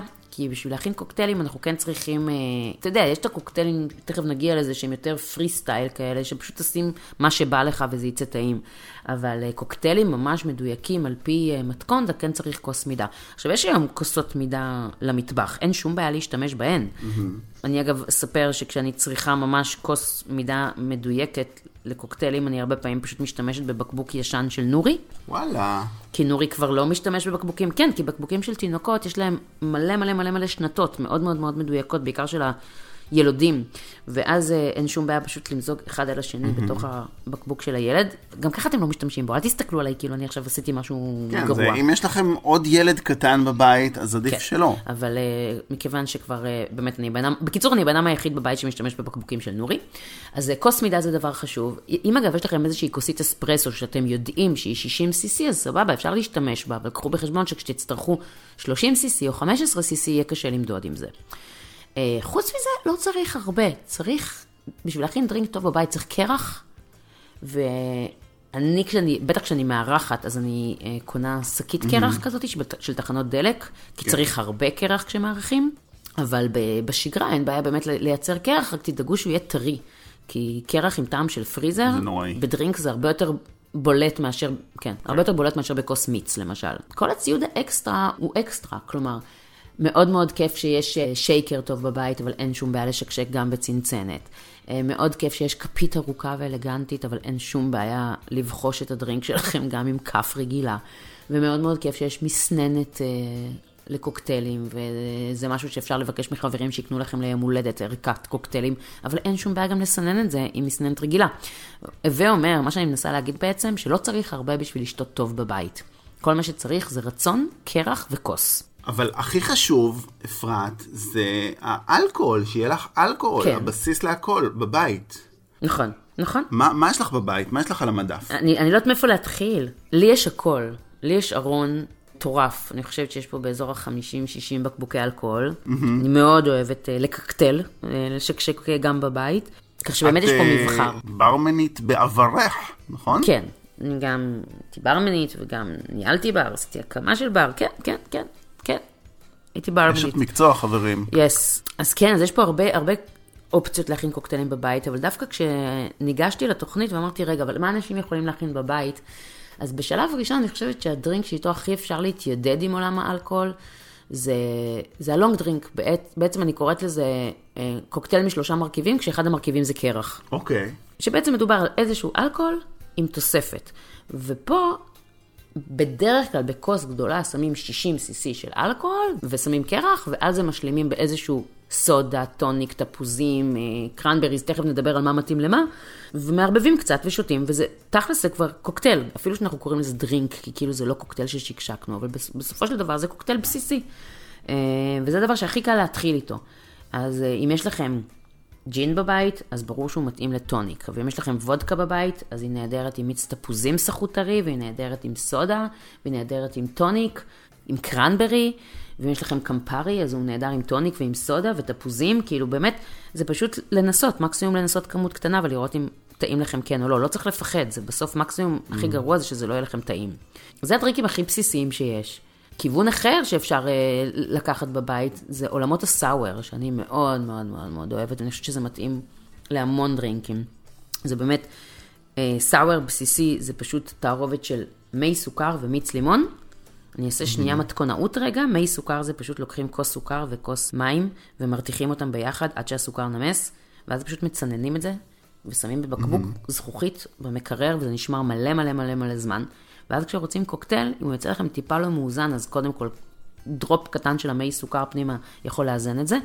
וגם העולמות של ה sour זה לערבב אה, כמות אחת של מי סוכר עם שתי כמויות או שלוש כמויות של מיץ לימון, יוצר מין בסיס שאיתו אפשר לערבב המון דברים. כלומר, זה הולך טוב עם וויסקי וזה הולך טוב עם... אפילו עם קוניאק, וזה הולך פגז עם אה, רום כמובן, ועם וודקה. אתה יודע, כולנו מכירים וודקה sour, וויסקי sour, mm-hmm. ג'ין sour. אז זה כאילו העולם השני של המשקאות שאני תמיד אומרת שכיף להתחיל איתו בבית. איזה טיפים ככה לך יש לתחילת שתייה ביתית? יש לי באמת הרבה בקבוקי אלכוהול, הרבה מהם מאוד ישנים נושנים, לא נפתחו כבר עשרות שנים. ויש לי את השישה שבעה שהם כאילו ה basic שאנחנו משתמשים בהם כל הזמן, שותים אותם כל הזמן. תמיד יש וודקה שאני שותה הרבה עם מיצים, אני אוהב מאוד את האננס מנגו, שילוב של וודקה. תמיד יש קמפרי שאני אוהב אותו עם קרח ולימון, יש רום. אני אוהב את הרום הכהה, שאני שותה הרבה עם קולה. זה נגיד משקה הסיום שלי, אחרי שכבר כן? היה לי ערב של כמה קוקטיילים, אז אני מסיים עם רום וקולה. באמת? כן, כן, כן. אני יכולה שנייה, יש- אני, אני חייבת להגיד על זה משהו. מה? רום זה הדרינק שלי. אני יודע. אתה יודע, זה, אני כאילו חולת אני רום. כבר שנים שומע את זה, אני- כן. אני- את, שנים שאת מבכה שהרום לא יותר נפוץ. כן, כאילו, אני, אין לי עם זה בעיה, כי אני הולכת פשוט לברים שבהם יש אה, מבחר רומים, כמו למשל בלאוטרה של קבוצת אימפריאל, שהם אה, באמת, כאילו, מבחר הרום שם מסחרר. וגם אצלי בבית יש כל מיני רומים, אבל זה תמיד מדהים אותי איך זה לא תופס כאן. מצחיק אבל שאתה אומר שאתה אוהב רום עם קולה, כי זה מכל משקאות הרום, הדבר היחיד שאני לא מסוגלת לשתות זה רום עם קולה. באמת? כן. זה כזה נעים, זה כמו כל הווניל כזה. כל- ככה זה מרגיש. אה. הגיוני, נכון, כי ברום יש המון כן. ארומות אה, תבליניות כאלה, של תבלינים חמים. אוקיי, סליחה, תמשיך. זהו, חוץ מזה, את יודעת, יש ג'ין תמיד, שזה כאילו הצ'ייסר אה, ברירת מחדל של אבישי, ו-to go כזה, כשרוצים קוקטייל פשוט להכין בבית, אז יש לך מי טוניק במקרר, ויש לך ג'ין, ואת מכינה משקה בשלוש שניות. יש לנו כמובן מרטינים, ורמונטים מלא, יש טקילה, שאני לעיתים רחוקות מכין מרגריטה קפואה. כל השאר באמת... נגיד וויסקי וערק, יש לי מלא, יש לי מכל אחד מהם לפחות שלושה ארבעה סוגים. אני לא אוהב אותם, הם פשוט נאגרים שם לנצח. לא שותה אותם. כן, וויסקי, תקשיב, וויסקי צריך מצב רוח מסוים. יש אנשים שזה הדרינק שלהם, אבל כאילו וויסקי... וויסקי בעיניי הוא לא משקה שמח. את לא שותה וויסקי בשביל להיות שמחה, את שותה וויסקי כדי להפיג את העצבות. וואי, איזה הבחנה יפה. לא בשביל להיות שמחה, אלא כדי להפיג את העצבות. מעניין. כן, וויסקי כן. הוא פחות אה, כפיים, פחות הפי. הוא יותר מתאים גם לליל חורף כזה, אה, לשתות אותו בלגימות איטיות. אבל זה מה שאני אומרת, אבל אם יש לכם וויסקי בבית ואתם רוצים עכשיו לשתות משהו, אז כן, תעשו סאואר ופשוט תכינו וויסקי סאואר, זה ממש ממש ממש טעים, זה הדרך הכי טובה להקליל וויסקי. אני חושב שלא פחות חשוב מהאלכוהול עצמו, זה גם שיהיה לך את המשקה תוספת, הדבר השני, שהוא לא הקרח, כדי להכין את הקוקטיילים בבית. נגיד, תמיד יש לנו בקבוק של טוניק, וטוניק אפשר להשתמש גם בסירופים כמו של נעמה, אבל אם משתמשים בטוניק מוגז או ב ginger ale, והרבה פעמים לא גומרים את הבקבוק, נכון. אז אני פשוט דוחף אותם במכשיר של הסודה סטרים, ומגזגז אותם מחדש, זה מחזיר להם את החיים. גדול. ואני עושה את זה לפעמים גם עם שאריות של יין ישן, כשבא לי איזה שפריץ, אז אני מקציף יין ויש לי שמפניה homemade. אשכרה, אתה מכניס יין לסודה. סטרים? כן, זה אדיר, זה מלך, אדיר. איזה רעיון כן. מעולה. יואו, אתה כזה הודית, אתה נהיית הודית. אני, אני יודע. אם אתם לא כן. עוקבים אחרי הטיפים של אה, לוקסי המופרעים בסטורי, מאז שהתחילה הקורונה, אתם ממש מפספסים. אני כל הזמן מסתכלת, אני אומרת, הוא גאון, ואז אחרי דקה אני אומרת, לא, הוא דפוק, הוא לא גאון, פשוט דפוק, מדובר באדם דפוק, וזה השותף שלי לפודקאסט. יותר דפוק מגאון, זה בטוח. לא, אתה גאון. אמרת דבר מאוד מאוד נכון על המיצים. כאילו, בסופו של דבר זה נכון, צריך להשקיע באלכוהול, באלכוהול טוב, בשביל שיהיה לנו טעים ושלא נקום עם הנגאובר, אבל רוב המשקה שנמצא בתוך הכוס הוא באמת התוספת, ולכן מאוד מאוד חשוב להשקיע בתוספת. אז כמו שהזכרת, הטוניק של נעמה, הטוניק של נעמה שטרנליכט, שהיא מייצרת לבד, הוא טוניק נפלא. יש היום גם טוניקים מאוד מאוד איכותיים אה, לקנות בחנויות שהם בבקבוקי זכוכית, ולא הטוניק הגדול הזה של, אה, אתה יודע, של החברה המסחרית, שהוא באיכות פשוט נמוכה. ואז אתה שותה ג'ין טוניק, והשקעת בג'ין טוב, אבל הטוניק שלך הוא באיכות נמוכה, אתה הרגת את הדרינק לגמרי. מה שמוביל אותי באמת לעניין של הדרים. אנחנו נמצאים עכשיו בבתים, תקנו פירות הדר, גם זה מלא בוויטמין C, זה כל כך כל כך בריא, זה אומרים שזה הדבר הכי טוב עכשיו למלחמה בכל הווירוס הזה. כן, פשוט באמת? תסחטו. כן, כן, כן, כן. אוקיי. אז נכון שאני פותחת... זה מדהים, כי זו התקופה, כן. זה, יופי, זה טוב התקופה. שאמרת את זה. זה התקופה. יש הדרים, אפשר לקנות מלא תפוזים. ההבדל בין וודקה עם מיץ תפוזים קנוי מהחנות לבין וודקה עם מיץ תפוזים שנסחט הרגע, או קמפרי עם מיץ תפוזים שנסחט הרגע, הוא הבדל של שמיים וארץ. יש היום לימונים, יש ליימים, אפשר לעשות דרינקים משגעים ברגע שיש אה, ליימים. אז ממש שווה להשקיע. אני אגב קניתי הדרים אה, דרך עלי הביתה ממשק אלון, אחרי שראיינו את... גל אלון בפרק התפוזים, אז יש לי תפוזי ברגמוט בבית.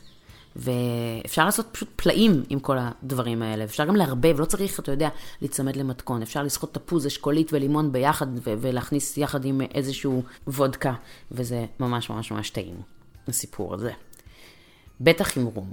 עכשיו, אם כבר הזכרתי רום, והזכרתי סאואר, אז uh, כל העולמות של הדרינקים של הרום, שבטוח יש לכם איזה רום בבית, אני מקווה שיש לכם רום בבית, מבוססים בסוף על רום עם ליים וסוכר, גם אם זה המוחיטו. הכי קל לעשות. אולי באמת נעלה לאתר מלא מלא מתכונים? כדאי אולי? מה אתה אומר? אני חושב שזה שאין לך באתר מתכונים של אלכוהול זה, זה מוזר. זה די מוזר. זה די מוזר. כי את מדברת על אלכוהול, את חיה אלכוהול, את נושמת אלכוהול, את מבינה בזה, אחת הנשים שיותר מבינות בזה, שאני מכיר. זה מוזר. אז לכבוד התוכנית באמת אני אעלה כמה קוקטיילים אה, פשוטים שאפשר להכין בבית לאתר. ואני חושבת שברגע שרואים שהרבה מאוד קוקטיילים הם פשוט סוג של וריאציה על אותו דבר, נגיד שהדקירי של רום או הסאואר או המוחיטו הם בסופו של דבר על אותו בסיס, אז מפסיקים לפחד ו- ומבינים שאפשר גם לשחרר ופשוט אה, פשוט למזוג. כן. קצת אלכוהול, הרבה מיץ או תוספת, קרח, ערבובים, פירות שיש בבית, זה עובד. אז כמו שאמרנו ככה בתחילת התוכנית, שמחר אה, ערב ליל הסדר, וצריך לשתות ארבע כוסות, אבל זה לא חייב להיות יין. אחד הדברים שאני חשבתי לעשות, זה פשוט שכל אחד יכול להכין קנקן של קוקטייל ולהניח אותו על השולחן, ופשוט במהלך הסדר, במקום פשוט לשתות יין, לשתות אלכוהול. עכשיו, מה נחמד בזה? שקודם כל זה יכול להיות פתרון מעולה ליין, אם יש לכם יין גרוע בבית, אתה יודע, נגיד, לא חייב להיות גרוע, אבל יין שנגיד קניתם פעם ואתם לא סגורים אם הוא עדיין טוב או לא טוב, mm-hmm. יין אדום או יין לבן, כן. אז אפשר פשוט להפוך אותו לדרינק. כאילו מוסיפים לו איזשהו חיזוקית, וקצת מי סוכר, ומלא מלא מלא פירות, וקרח, וזה סוג של סנגריה. קרה. אני רוצה לעלות עכשיו על הקו כדי להוכיח את הנקודה שלי ולהוכיח שאני צודקת ושזה ממש לגיטימי לשתות אה, אלכוהול בערב ליל הסדר, את אדי ניומן. אתה מכיר את אדי? אני מכיר את השם, זה ברמן מיתולוגי כזה, לא? אדי הוא אחד הברמנים המיתולוגיים של תל אביב. הוא ברמן כבר כמעט 30 שנה, כשאני הייתי ברמנית הוא כבר היה ברמן בעל שם, שזה וואו. די משוגע. אוקיי. כן, והוא עדיין ברמן פעיל, ואני בטוחה שיהיה לו טיפים מעולים לשתייה בערב ליל הסדר. אז בואו נדבר איתו. הלו, אדי? כן. שלום. שלום לך, שלום שלום. איתנו על הקו אדי ניומן, הברמן המיתולוגי, היום אה, בימים כתיקונם, לפני עידן הקורונה, ומיד גם אחריה אפשר יהיה למצוא אותו בקאבקם, אבל עכשיו אתה פשוט הברמן המיתולוגי. כרגע רק במיתולוגיה. מה העניינים? סבבה? אם אנשים לא מבינים על איזה מיתולוגיה אני מדברת, נגיד שאתה ברמן כמעט 30 שנה, וכבר שאני הייתי ברמנית, כבר אז היית בעל שם בכל העיר, אז כאילו, יש פזם. וואו, כן, 30 הייתי שנה. נוג- נוגע בשלושים השנה לדעתי. מה ההבדלים בשתייה של הישראלים מלפני 30 שנה להיום? השתנה מאוד, לא? לחלוטין, לחלוטין. אני התחלתי במקום שקראו לו עלייה שנייה, שזה היה בר שבעיקר תיכוניסטים ושעשו הופעות. יש שם זמרים אה, עלומים כמו אה, אביב גפן, טיפקס, כל הלהקות האלה שהיו פעם אז בתיכון, והם שתו בירה גדולה, בירה קטנה, זהו. זה מה שהם שתו, ושם התחלתי לעשות קוקטיילים מכלום שהיה אז. זה הילדות שלי ושל אפרת, פחות או יותר, השנים האלה. כן, הפעמון, ירמיהו, פינת, כן. דיזנגוף. כן, היה, היה, היה וודקה תפוזים, כאילו. שנדי היה שיא הטכנולוגיה מבחינתי. בריטי שנדי. קראו לזה בריטי שנדי, זה לא היה שנדי לבד. עם דובדבן. רק המציאו את הספרייט אז. נכון, עד לא, לא, כשאנחנו היינו ילדים לא היה ספרייט. ספרייט, סבן אפ, אני יודע. איזה אנטיקות אנחנו על ההיסטור. אז באמת, אנשים היו שותים בירה, וקצת שנדי, ואולי וודקה תפוזים, ו... זהו, גם הכמויות, היותר אלכוהול התאדה מאשר שתות. היום, כן, שותים היום הרבה? שותים אה, בלי עין הרע, כן. לא, אנשים למדו, העולם התפתח, התקדם. תראה, אבל כשאני. הייתי... כשאני הייתי ברמנית אבל, זה היה נגיד אה, לפני 20 שנה. כן שתו קוקטיילים, אני עבדתי בסווינג, עבדתי בבר קוקטיילים, אה, הגשנו את כל הקלאסיקות. לא הייתה מיקסולוגיה כמו היום של להמציא קוקטיילים, היה מעט מאוד. אתה כן כבר אז, אני זוכרת, המצאת קוקטיילים, אבל רובנו לא, פשוט כן. יישמנו את הקלאסיקות, נכון? זה עשר שנים אחרי. אני אחרי אה, העלייה השנייה כבר עבדתי עוד מקום או שתיים, ואז הגעתי לזנזיבר, שזה 94 לדעתי, משהו כזה. ושם גם, קלאסיקות, לא שהברמנים ידעו, אני היחידי שידעתי לעשות את הקוקטיילים, אבל אה, היו קלאסיקות, כן, dry martini, Bloody Mary, מה? שעשיתי קייפיריניה, הגיעה וואו. הקשת לארץ. נכון. מה הדרינק שאתה... בוא נראה, תמיד יש את השאלה הזאת, מה הדרינק שהכי שנאת להכין, או שעד היום אתה שונא להכין? אה, זה קטע כזה של ברמנים? יש אחד שהם שונאים להכין? תמיד, תמיד. היום זה השתנה, אני אגיד לך, אני פשוט הייתי בטפאו, הייתי מתורגל לעשות משהו פה 30-40 אה, מוחיטו ביום, כן? אבל עכשיו שמזמינים מוחיטו זה לא בא לי טוב, כי אני לא ערוך לזה, פתאום זה משהו שנהיה משהו של פעם. כן, צריך את הסוכר, וצריך את המועך, כן, וצריך... אה, אתה שותה היום מוחיטו, זה כאילו לא יצאת מהבית 20 שנה בערך, משהו כזה. אני, אני מתה על מוחיטו, זה דרינק מדהים. מת על זה, מת על זה, אבל איכשהו האופנות האלה משתנות די במהירות. זה נכון. לא אני ברור שונאת- למה. שנאתי להכין B52. לא, זה אני אוהב. להציף עושה 15 משקה על. משקה? מה זה? 15 ביחד הייתי עושה. אוי. איזה יד יציבה צריך בשביל הדבר הזה. כן, שתיתי פחות אז, כן. טוב. לא, יש, יש, יש יד בסדר. כן, ואחר כך צריך להדליק אותם גם, שזה גם כן היו מחזות זוועה בארצנו. מה, להד... צריך, צריך פירוטכניקה. כן, לא, מלצרית שיוצאת עם עשר כאלה דולקים זה לא... הביטוח פחות מכסה דלקה במקרה כזה. פחות, פחות. אה, תגיד, אנחנו ממש לפני ערב ליל הסדר, והחלטנו שממש לא חייבים לשתות אה, ארבע כוסות של יין. אפשר אה, לשתות איזה קוקטייל, ככה להכין אותו מראש וליהנות עם קוקטייל לאורך הארוחה. מסכים איתנו? לגמרי, לגמרי. גם מה שאני עושה הרבה, אני עושה עם חברה סדנאות של אלכוהול, נתי מורל, וחלק מהסדנה זה ללמד אנשים להפעיל את מה שיש להם מתחת לכיור. כל הבקבוקים שהם קיבלו בחתונה, בר מצווה, הוא רופא ולא שותה, וכל מיני דברים כאלה. מה שיש לך בבית, שלכולם יש דברים כאלה. מהמם. תמיד יש יין קינוח, יין לבן, שמפניה יין- שלא מתקלקלת בחיים. כן. יין שקיבלנו ואנחנו לא סגורים עליו אם הוא עוד טוב. בדיוק, בדיוק. אז uh, אם הוא מקולקל בעליל, אז הוא מקולקל וזה לא בריא, אבל אם אתה תואם אותו והוא יורד לך, אז אפשר לעשות איתו סנגריה למשל, גם לבנה, מהמם. גם אדומה, זה נפלא. אתה משתמש גם באלכוהול שיש לך ונשאר קצת ואתה לא סגור עליו, כל מיני דברים כאלה. זה מין כזה match. שאריות כזאת שהיא טובה, כן. מה, מה למשל, תן לנו בערך את הכמויות למי שרוצה להכין בבית. אני אעשה לכם משהו שהוא טוב, שזה סנגריה על בסיס של קאבה, זה יכול להיות גם על כל uh, מוגז אחר. מה שאני עושה, אני לוקח פירות, לא משהו שיתסוס אחרי יום, אבל אגסים לא הכי יפים וכל הפירות האלה, כן. אותם uh, לג'וליינים, לשערות או גס, איך שבא לכם, וזה הבסיס בתוך הקנקן, אוקיי? אוקיי. אם יש לכם דובדבנים מסוכרים או דברים כאלה, גם זה הולך שמה. ואז אתה עושה, נגיד, כוס של 200 cc, מחלק אותה לשלוש. האידיאלי זה אם יש לכם אה, אמרטו, שנפס אפרסק ווודקה. אוקיי. זה הבסיס האלכוהולי. על זה אתם זורקים קאבה או יין לבן, וזה נפלא. עכשיו, אם. לא שמתם יין, הבסיס האלכוהולי הזה נשמר לתמיד. אתם מחזיקים אותו במקרר, ואז. אתם שמים בתוך כוס אה, קצת מהפירות וקצת מהאלכוהול, קרח, ושופכים על זה את, ה... את היין או מה שאתם רוצים. ממש אה, חודשים, זה. אם לא שמתם פירות כמובן שתוססים כמו גם תות זה לא להיט אה, אחרי כמה זמן. אז אתה אומר פירות, כוס של 200 cc, שליש של זה זה וודקה, שליש זה איזשהו ליקר פירות, ושליש עוד איזשהו ליקר, כלשהו שיש לכם עדיף בבית. המרטו, המרטו נותן אה, מין כזה טעם גוזי כזה שהוא, שהוא מגניב. אוקיי. אבל עוד, עוד ליקר גם יכול להיות. זה יכול להיות גם, אה, סליחה שאני מביאה שמות מפעם, אה, בלו קירסאו, פרנג'ליקו, דברים כאילו שממש אה, עתיקים ונשארו בבית? זהו, שהבלו קירסאו הוא, הוא קלאסי, למה? מצד אחד זה הכל יהיה כחול, שזה יותר יתאים ליום העצמאות, אבל, אה, אבל הוא, הוא, מה זה blue curaçao? בעצם זה triple sec. כן, עכשיו. האלכוהול השלישי, אמרתי וודקה כי לא זכרתי, אבל זה triple sec, זה לא וודקה.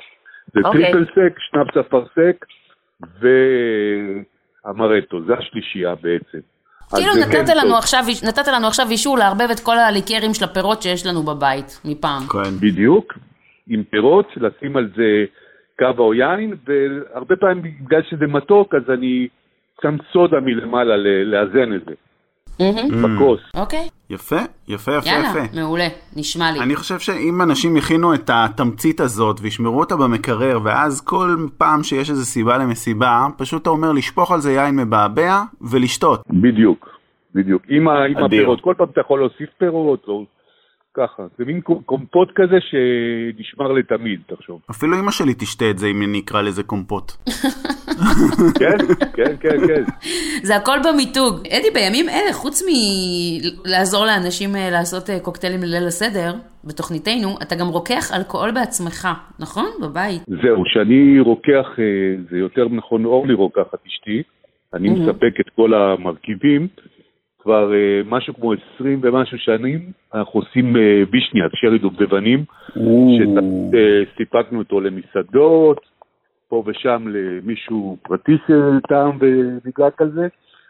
ואני כל שנה עושה כמות של משהו כמו 20-30 ליטר, יותר אולי אפילו, וזה הולך במשך שנתיים בערך. אוקיי. ומה שקורה עכשיו, בגלל העניין הזה, אני עוד מעט גומר את הכמות של שנתיים בחודש הזה. מעולה. כן, טוב, אנשים צריכים לשתות. לעזוב כן, את זה הקורונה. גם מאוד מאוד טעים, וזה מאוד מתאים לסבתא, אבל- לסבא, זה נורא טעים לקר דובדבנים. כן, הוא מאוד... אבל רגע, אבל אם זה נגמר, אז אה, איך נשתה דברים שאתה מכין? זהו, אם, ברגע שזה ייגמר הדבר הזה, שכנראה יקרה עוד מעט, אז מה שאני והבן שלי, שהוא גם מיקסולוג, עשינו בבית אה, בלאדי מרי, ואני טוב מאוד בבלאדי מרי, ואנחנו נספק אה, בלאדי מרי בכמות של ליטר וחצי, שאתה רק צריך להוסיף קרח, לגרד חזרת מלמעלה, ולשים אה, מקל של אה, סלרי, שיכול להיות שגם אותם נספק. וקצת לימון וזה, וזה נפלא. אז אתמול עשינו את זה בבראנץ', לא, עכשיו שאני חושב על זה, בלאדי מרי, ה- הסלרי והחזרת, זה היה משקה לפסח. בטח, אני קורא לזה נכון. בלאדי פסח לדבר הזה, לא בלאדי פסח. בלאדי פסח, נכון. וודקה, יש, פסח. יש וודקה שהיא כשרה לפסח, עגבניות זה כשר, ס- אם יש סלרי, לך חזרת. כובע נזיר, את הפרחים, אתה מקשט עם כובע נזיר, אתה גם אוכל אותם, זה נפלא. יאללה. ואנחנו טוב, אז עושים אנחנו... כל מיני, אה, כל מיני וריאציות, אנחנו עושים אסיאתי, אנחנו עושים עם מים של זיתים שאורלי מכינה, אנחנו כל פעם אה, משנים את הקוקטייל וזה מופלא. אמרת מים של, אמרת מים של זיתים, זהו, אורן נדלק. אין, הבן אדם כן, כאילו, כן, הוא- כן. הוא שותה מים של זיתים. מה. זה, הם טעימים? זה הם טעים. טעימים מים של זיתים שהיא עושה, זה מטורף. אני עושה פולניה מלוכלכת עם אה, זוברובקה וזה, זה מטורף. אה, זה כאילו דירטי מרטיני? דירטי מרטיני על בסיס זוברובקה? אוי, זה גאוני. פולניה מלוכלכת. זה אלפת מתה על זה, זה הקוקטייל שלה. כן. וואי, האמת שזה נשמע לי טעים, כי זוברובקה קודם כל זה וודקה אדירה, אדירה, באמת. כן. איזה יופי. טוב. טוב, יאללה. עוד דבר, אנחנו עושים סנגריטה. סנגריטה זה בעצם בלאדי מרי, אבל בלי אלכוהול, שזה התוספת אה, בצד של טקילה, שאני גם עושה המון שנים, וזה משהו שגם הייתי מוכר בז- בזמנים של אה, רגילים. לא קורונה. אנשים. מכין להם את זה, היו לוקחים הביתה, טקילה וזה בצד, וזה וואו. מגניב. יאללה. טוב, טוב, נראה לי אני... אני הולכת להזמין לעצמי אלכוהול. באמת לא שתינו משהו כבר חמש דקות. פתחתי לה את הדודה, אה? פתחת לי לגמרי. כן. אדי ניומן, תודה רבה תודה. רבה. מותק, שנהיה אחורי הדבר הזה ונשב על הבר ועל המרפסת ונספור סיפורים נודדות. ו... אמן. טוב, שיהיה שמח. חג שמח לך ולבר תודה, ולאישה ולכולם. לך, תודה לך. תודה לך. בכיף. ביי ביי. ביי.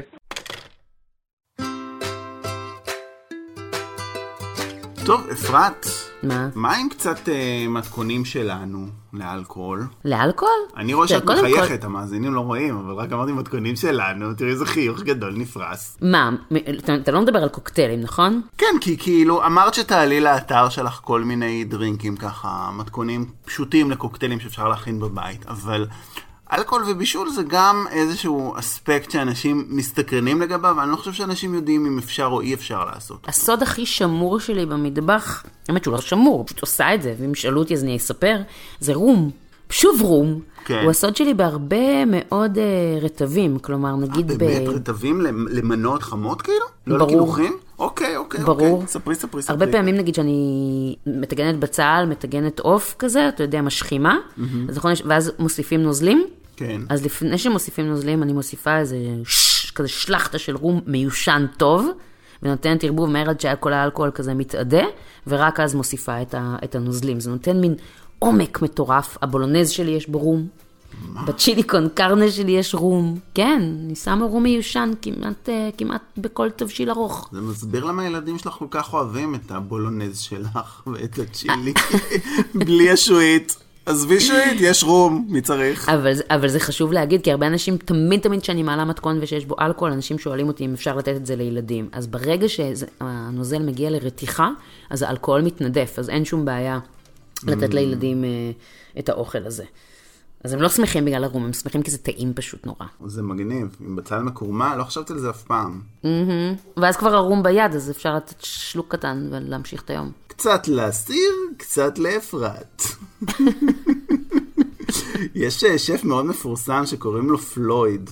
שף בריטי, היום כן. הוא כבר מאוד מאוד מבוגר אם הוא עדיין חי, אבל פעם הוא היה באמת אחד מכוכבי הטלוויזיה הראשונים שהסריטו באמת מתכונים וטיולים בעולם. ממש. אם הוא היה היום צעיר, הוא היה יוטיובר מספר אחד לדעתי. והוא תמיד שותה, שותה, שותה מלא מלא מלא בכל מתכון, ויש לו את הרעש המפורסם שכשהוא מוזג תמיד יין לסיר, אז הוא עושה גלג גלג גלג, and one for the chef, ואז הוא שותה גלג גלג גלג. כן, זה תמיד, זה. זה כל המתכונים שכותבים אה, בקבוק יין, אז זה כאילו, זה בעצם בקבוק יין פחות כוס, אין מה לעשות. או פחות שלוש. אני... טוב, יש גם תמיד, נכון תמיד אומרים שכאילו שאם אתה מבשל עם יין, אז אתה חייב לבשל עם יין שאתה היית רוצה לשתות כדי שהתבשיל יצא טוב. ברור. זה מה זה בולשיט. כן, זה מה זה תמיד בולשיט. אומרים את אין זה. שום בעיה, אין שום בעיה לשים יין פחות טוב בתוך גדרה. הסיבה שאתה רוצה שזה יין, שבא לך לשתות, זה שתוכל לשתות בזמן שאתה מבשל.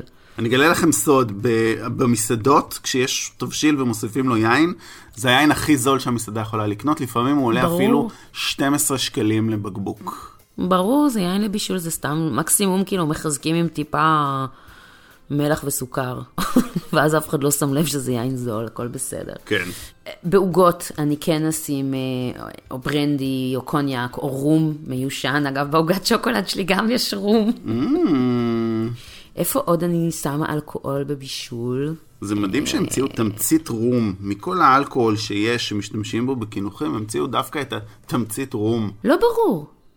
אתה מבין למה? אתה מצליח להבין למה? אני חושב שזה הטעם המתקתק הוונילי הזה, שהוא קצת שונה מווניל, קצת יותר נעים כזה, אז אולי זה מה שכבש, אבל באמת לא ברור לי למה זיקקו דווקא אותו, ולא זיקקו, לא יודע מה, תמצית וויסקי. תמצית וויסקי, או כל המשקאות ההדריים שמשתמשים בהם הרבה באפייה. מוזר. כן. תגיד, אז איפה אתה משתמש באלכוהול במטבח? אז בגדול אני לא משתמש באלכוהול במטבח, כי אני קמצן מדי, ואם יש אלכוהול הוא צריך להיות בכוס או בבטן שלי. אבל, כן. אגב, לפני שפגשתי את אבישי, בקושי שתיתי, את זוכרת אותי לפני, נגיד, שבע שנים, שמונה שנים, שהיינו הולכים ברור. למסעדות והיו מציעים לי צ'ייסרים, והייתי אומר לא תודה. ומסתכלים כן. על היקום, ואז הבנתי שכאילו, אני פשוט צריך להזמין את זה ולא לשתות, אלא לעשות כן. כאילו. זוכרת. אז בזכות אבישי התחלתי לשתות, כי הוא מגיע ממשפחה שממש אוהבת לשתות ויודעת ליהנות מזה. מה שאני כן התחלתי לעשות לאחרונה, וזה כבר יצא לך לטעום, זה באמת את הסוכריות גומי מאלכוהול. שזה פשוט כיף. דובוני זה- גומי אלכוהול, זה פשוט דבר כיפי, זה מחזיר אותנו לילדות. אנחנו דופקים לזה את הטעמים של כל הקוקטיילים שאנחנו אוהבים גם ככה, זה שילוב נהדר. אני חושב. זה פשוט סוכריות גו- גומי בטעמים של קוקטיילים. הכנת לי כמה סוגים כבר, זה פשוט נפלא. אפשר לאכול מזה טונות. כן, אני עושה קמפרי לימון, ג'ין טוניק, רום קולה. אני עושה, עשיתי עכשיו מרטיני מלוכלך. עשיתי באמת? וודקה, כן, עשיתי וודקה וניל עם קרנבריז, ואבישי דפק. זה, זה בצנצנות במקרר, ואבישי דופק כזה לארוחת בוקר. אה, מרגריטה לימון, כל מיני, זה נורא נורא כיף. תסביר ככה בכמה מילים. תגרום לאנשים להבין שזה ממש ממש קל לעשות זה את זה. ממש ממש קל, צריך ג'לטין, אפשר אפילו להשתמש באבקת ג'לי של עסיס כזאת מוכנה, רק צריך להוסיף אשכרה. לה, כן, רק צריך להוסיף לה עוד ג'לטין אמיתי, מחממים את זה במעט מהנוזל, נגיד אם עושים ג'ין טוניק, אז מחממים את זה במעט טוניק, כדי להעמיס את הג'נטין, ואז נותנים לזה טיפ-טיפה להתקרר, מוסיפים את האלכוהול, מוסיפים סוכר אם זה משהו שהוא קצת פחות מתוק, ושמים את זה בתבנית דובונים.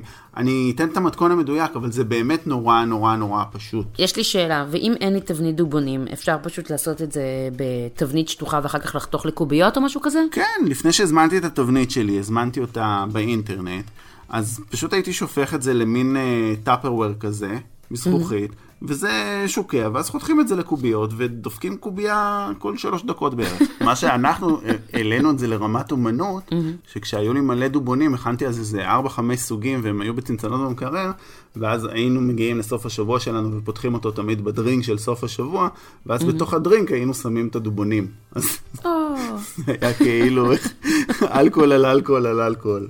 ממש. אחד הדברים, הטיפים שנתת במסגרת הטיפים שלך, שממש ממש אהבתי, זה שאתה מקפיא קוביות קרח שהן בעצם מיצים קפואים. למה זה טיפ כזה חשוב? כי היום להמון אנשים יש בבית בלנדר נינג'ה. ואם או, אין או, בלנדר או נינג'ה, בלנדר. תקנו, זה עולה fucking 200 שקל, זה, זה מכשיר, זה, הוא שינה את העבודה נכון. שלי במטבח. אני גם, אני משתמשת בו המון המון המון, ואם אין בלנדר נינג'ה אפשר גם במג'ימיקס, ואז זה רעיון מדהים, שבמקום לעשות דרינק ולשים בו קוביות קרח שמוהלות את הדרינק, אז באמת שהקוביות קרח הן המיץ עצמו, אז אתה יכול לייצר קוקטייל קפוא תוך שנייה, וזה כל כך טעים קוקטייל קפוא, בטח בקיץ שתכף מגיע. וזה גם כל כך מרשים את האורחים, כשאת מגישה להם דקירי קפוא או מרגריטה קפואה בבית, וואו. כן. וואי, דקירי קפוא, אני חייבת להגיד משהו על דקירי. מה? בשנות ה-90 היה המון דקירי בברים בתל אביב, וזו הסיבה לדעתי שאנשים עד היום לא מעריכים את הדקירי. כאילו, דקירי קפוא עם פירות קפואים זה רחוק שנות אור מקוקטייל דקירי קלאסי. Mm-hmm. והנה, ישר איך שמתחילים לדבר על רומן, אני נהיית רצינית, נכון? מאבדת את הצחוק, אני מפסיקה, זה כבר לא מצחיק אותי שזה לא דרינק שתופס. דקירי זה חביתה המקושקשת של חיים כהן שלי, ואני אסביר. חיים כהן תמיד אומר שבשביל לבדוק אם טבח הוא טבח טוב, אז הוא מבקש ממנו במבחן פשוט להכין לו ביצה מקושקשת. Mm-hmm. כי מי שלא יודע להכין ביצה מקושקשת לא, לא יודע לבשל. וזה נכון. אז אני, אותו דבר אצלי זה עם דקירי. כשאני מגיעה לבר, אז כמעט תמיד אני אזמין דקירי. כאילו, זה הדרינק הראשון שאני אבדוק. וברמן שיודע להכין דקירי טוב, אפילו שכל מה שיש בזה זה בסופו של דבר רום, ליים או לימון ומי סוכר, או סוכר רגיל, Mm-hmm. אם הוא יודע להכין את זה מאוזן, זה הדרינק הכי טעים שיש בעולם. אין לזה שום מתחרים, זה, זה כל כך מושלם. וזהו, ותמיד כשאני שותה את זה, אני אומרת לעצמי, בואנה, בן אדם ששותה דקירי וחושב שקפוא זה הדבר, לא מבין מחייו. היום, בכל מסעדה שמכבדת את עצמה, מישהו צריך להיות אמון על עמדת הקפה ולדעת להכין נכון. לפחות את השבעה משקאות קפה הפופולריים בצורה הכי מקצועית שיש. אז okay. אוקיי. גם את הקוקטיילים הבסיסיים, יש בטח איזה חמישה או שמונה שהם basic של basic, okay. אותם חייבים להכיר. אוקיי, okay. אתה יודע מה? אני מסכימה איתך. אבל אי אפשר לבוא ולהתחיל לבקש ממנו ב-52, ואי אפשר להתחיל שאני לא יודעת מאיפה הבאתי את נכון, הדרינק לא. הזה עכשיו, ואי אפשר להתחיל לבקש ממנו עכשיו ב... לא יודעת, אה, Singapore Sling. אה, אבל כן, צריך לדעת להכין קוקטייל מרטיני, נגרוני, דאיקירי, אה, קוסמופוליטן. ולדעת על מה אנחנו מדברים כשאנחנו מדברים על old fashioned ומנהטן, נגיד. זה חלק מחינוך של מסעדן, לחנך את הצוות שלו, להכיר כמה דברים מאוד מאוד בסיסיים בעולם הזה, גם בעולם השתייה. אוקיי, יפה, די מסכימה עם מה שאתה אומר עכשיו. יש לי טיפ ממש חמוד, אבל לתת בבית ככה לקראת סיום. כן. להקפיא קובייה גדולה של קרח. מה שקורה זה שאם לוקחים דרינק ושמים בו אה, קוביות קרח רגילות, הן נמסות מאוד מהר, כי יש המון שטח פנים, כי יש הרבה קוביות קרח. מדללות אותו, נכון. בדיוק, מדלל את הדרינק נורא מהר. מה שאני עושה, בעיקר בתקופות שאני מארחת, אבל גם עכשיו אני עושה את זה בקופסאות טיפה יותר קטנות, אני פשוט מכניסה קופסה עם מים לפריזר. ואז יש לי קוביית קרח גדולה מאוד, ואז אני יכולה לשים קוביית קרח גדולה בתוך קנקן, עם איזשהו קוקטייל, למשל Pimm's אה, קוקטייל, שזה Pimm's Cup, שזה אחד הדברים הכי כיפים להכין בבית, mm-hmm. ואז שטח הפנים הוא הרבה יותר קטן, וזה לא נמס, זה לא מדלל לי את הדרינק כל כך מהר. מה שכן חשוב לזכור, שקובייה כזאת לא קופאת תוך שעתיים. צריך לשים אותה נגיד איזה יומיים בפריזר, כדי שהיא תהיה באמת קפואה גם מבפנים, ולא רק בצד החיצוני שלה. ואם כבר מדברים על לא לדלל את הדרינק, זה בדיוק מתקשר עם מה שאתה אמרת של הקוביות של המיץ. Mm-hmm. כאילו אם אתם הולכים להכין דרינק שהוא עם uh, מיץ תפוזים, אז תקפיאו קוביות של מיץ תפוזים. אני מקפיאה גם ענבים, וזה גם קצת מקרר. זה. זה גם קצת מקרר, וגם יש, אה, זה נורא טעים לאכול את זה אחר כך. מישהו חכם אמר פעם שהוא לא אוכל ענבים, כי הוא לא אוהב לשתות את היין שלו בקפסולות. מעולה. לא, אבל להקפיא ענבים זה רעיון אדיר, כי גם זה מקרר את המשקה, זה גם לא מוהל את המשקה, וגם הענבים נורא טעימים לכרסם. ממש. לוקסי, אנחנו צריכים לדעתי לסיים. צריכים לשחרר את האנשים לליל הסדר. ליל הסדר, פסח, וואו, הפסח הכי הזוי שאנשים יחגגו בימי חייהם. לא יאומן. לגמרי. לגמרי, אנחנו קצת כזה, אני קצת עוד לא מעכלת את זה, אני חושבת שכשנתיישב לקרוא את ההגדה, אז יהיה לי רגע קצת של הלם וקצת של עצבות. אנחנו עושים את הסדר בזום, יחד עם המשפחה של עמרי, וההורים שלי מצטרפים אלינו, וזהו, ועמרי הולך לנגן את כל ההגדה, כמו תמיד, הוא מנגן את זה בניגון הקיבוצי. אה, אנחנו שרים את כל ההגדה על פי ההגדה של אה, מעגן מיכאל. אפרת, טוב, יקירי. זה נגמר, תם הטקס. סיימנו עוד פרק של לדבר זה לא משמין. למרות שתכננו שלא לשדר פרק בחול המועד, אז עכשיו אין חול ואין מועד, הכל ימים מתערבבים, וגם שבוע הבא אנחנו נפגוש אתכם בפרק חדש. אנחנו מאחלים לכם שליל הסדר שלכם יעבור בכיף עד כמה שאפשר, אה, ועם געגוע, אבל אה, גם עם הבנה שהתקופה הזאת אה, תעבור, ולהיזכר שבסוף התקופה הזאת כולנו נצא מעבדות לחירות, וכל כך נעריך את זה. כל כך וואו, כל כך נעריך את כמה זה. סימבולי, אפרת, וואו. איך חיברת, איך חיברת. אפרת אנזל, גבירותיי ורבותיי, שיהיה לכם חג שמח וטעים, גם לך, אפרת. גם לך, אהבה שלי בלב. יאללה, יאללה, ביי. שיהיה לכולם חג שמח. ביי. חג שמח.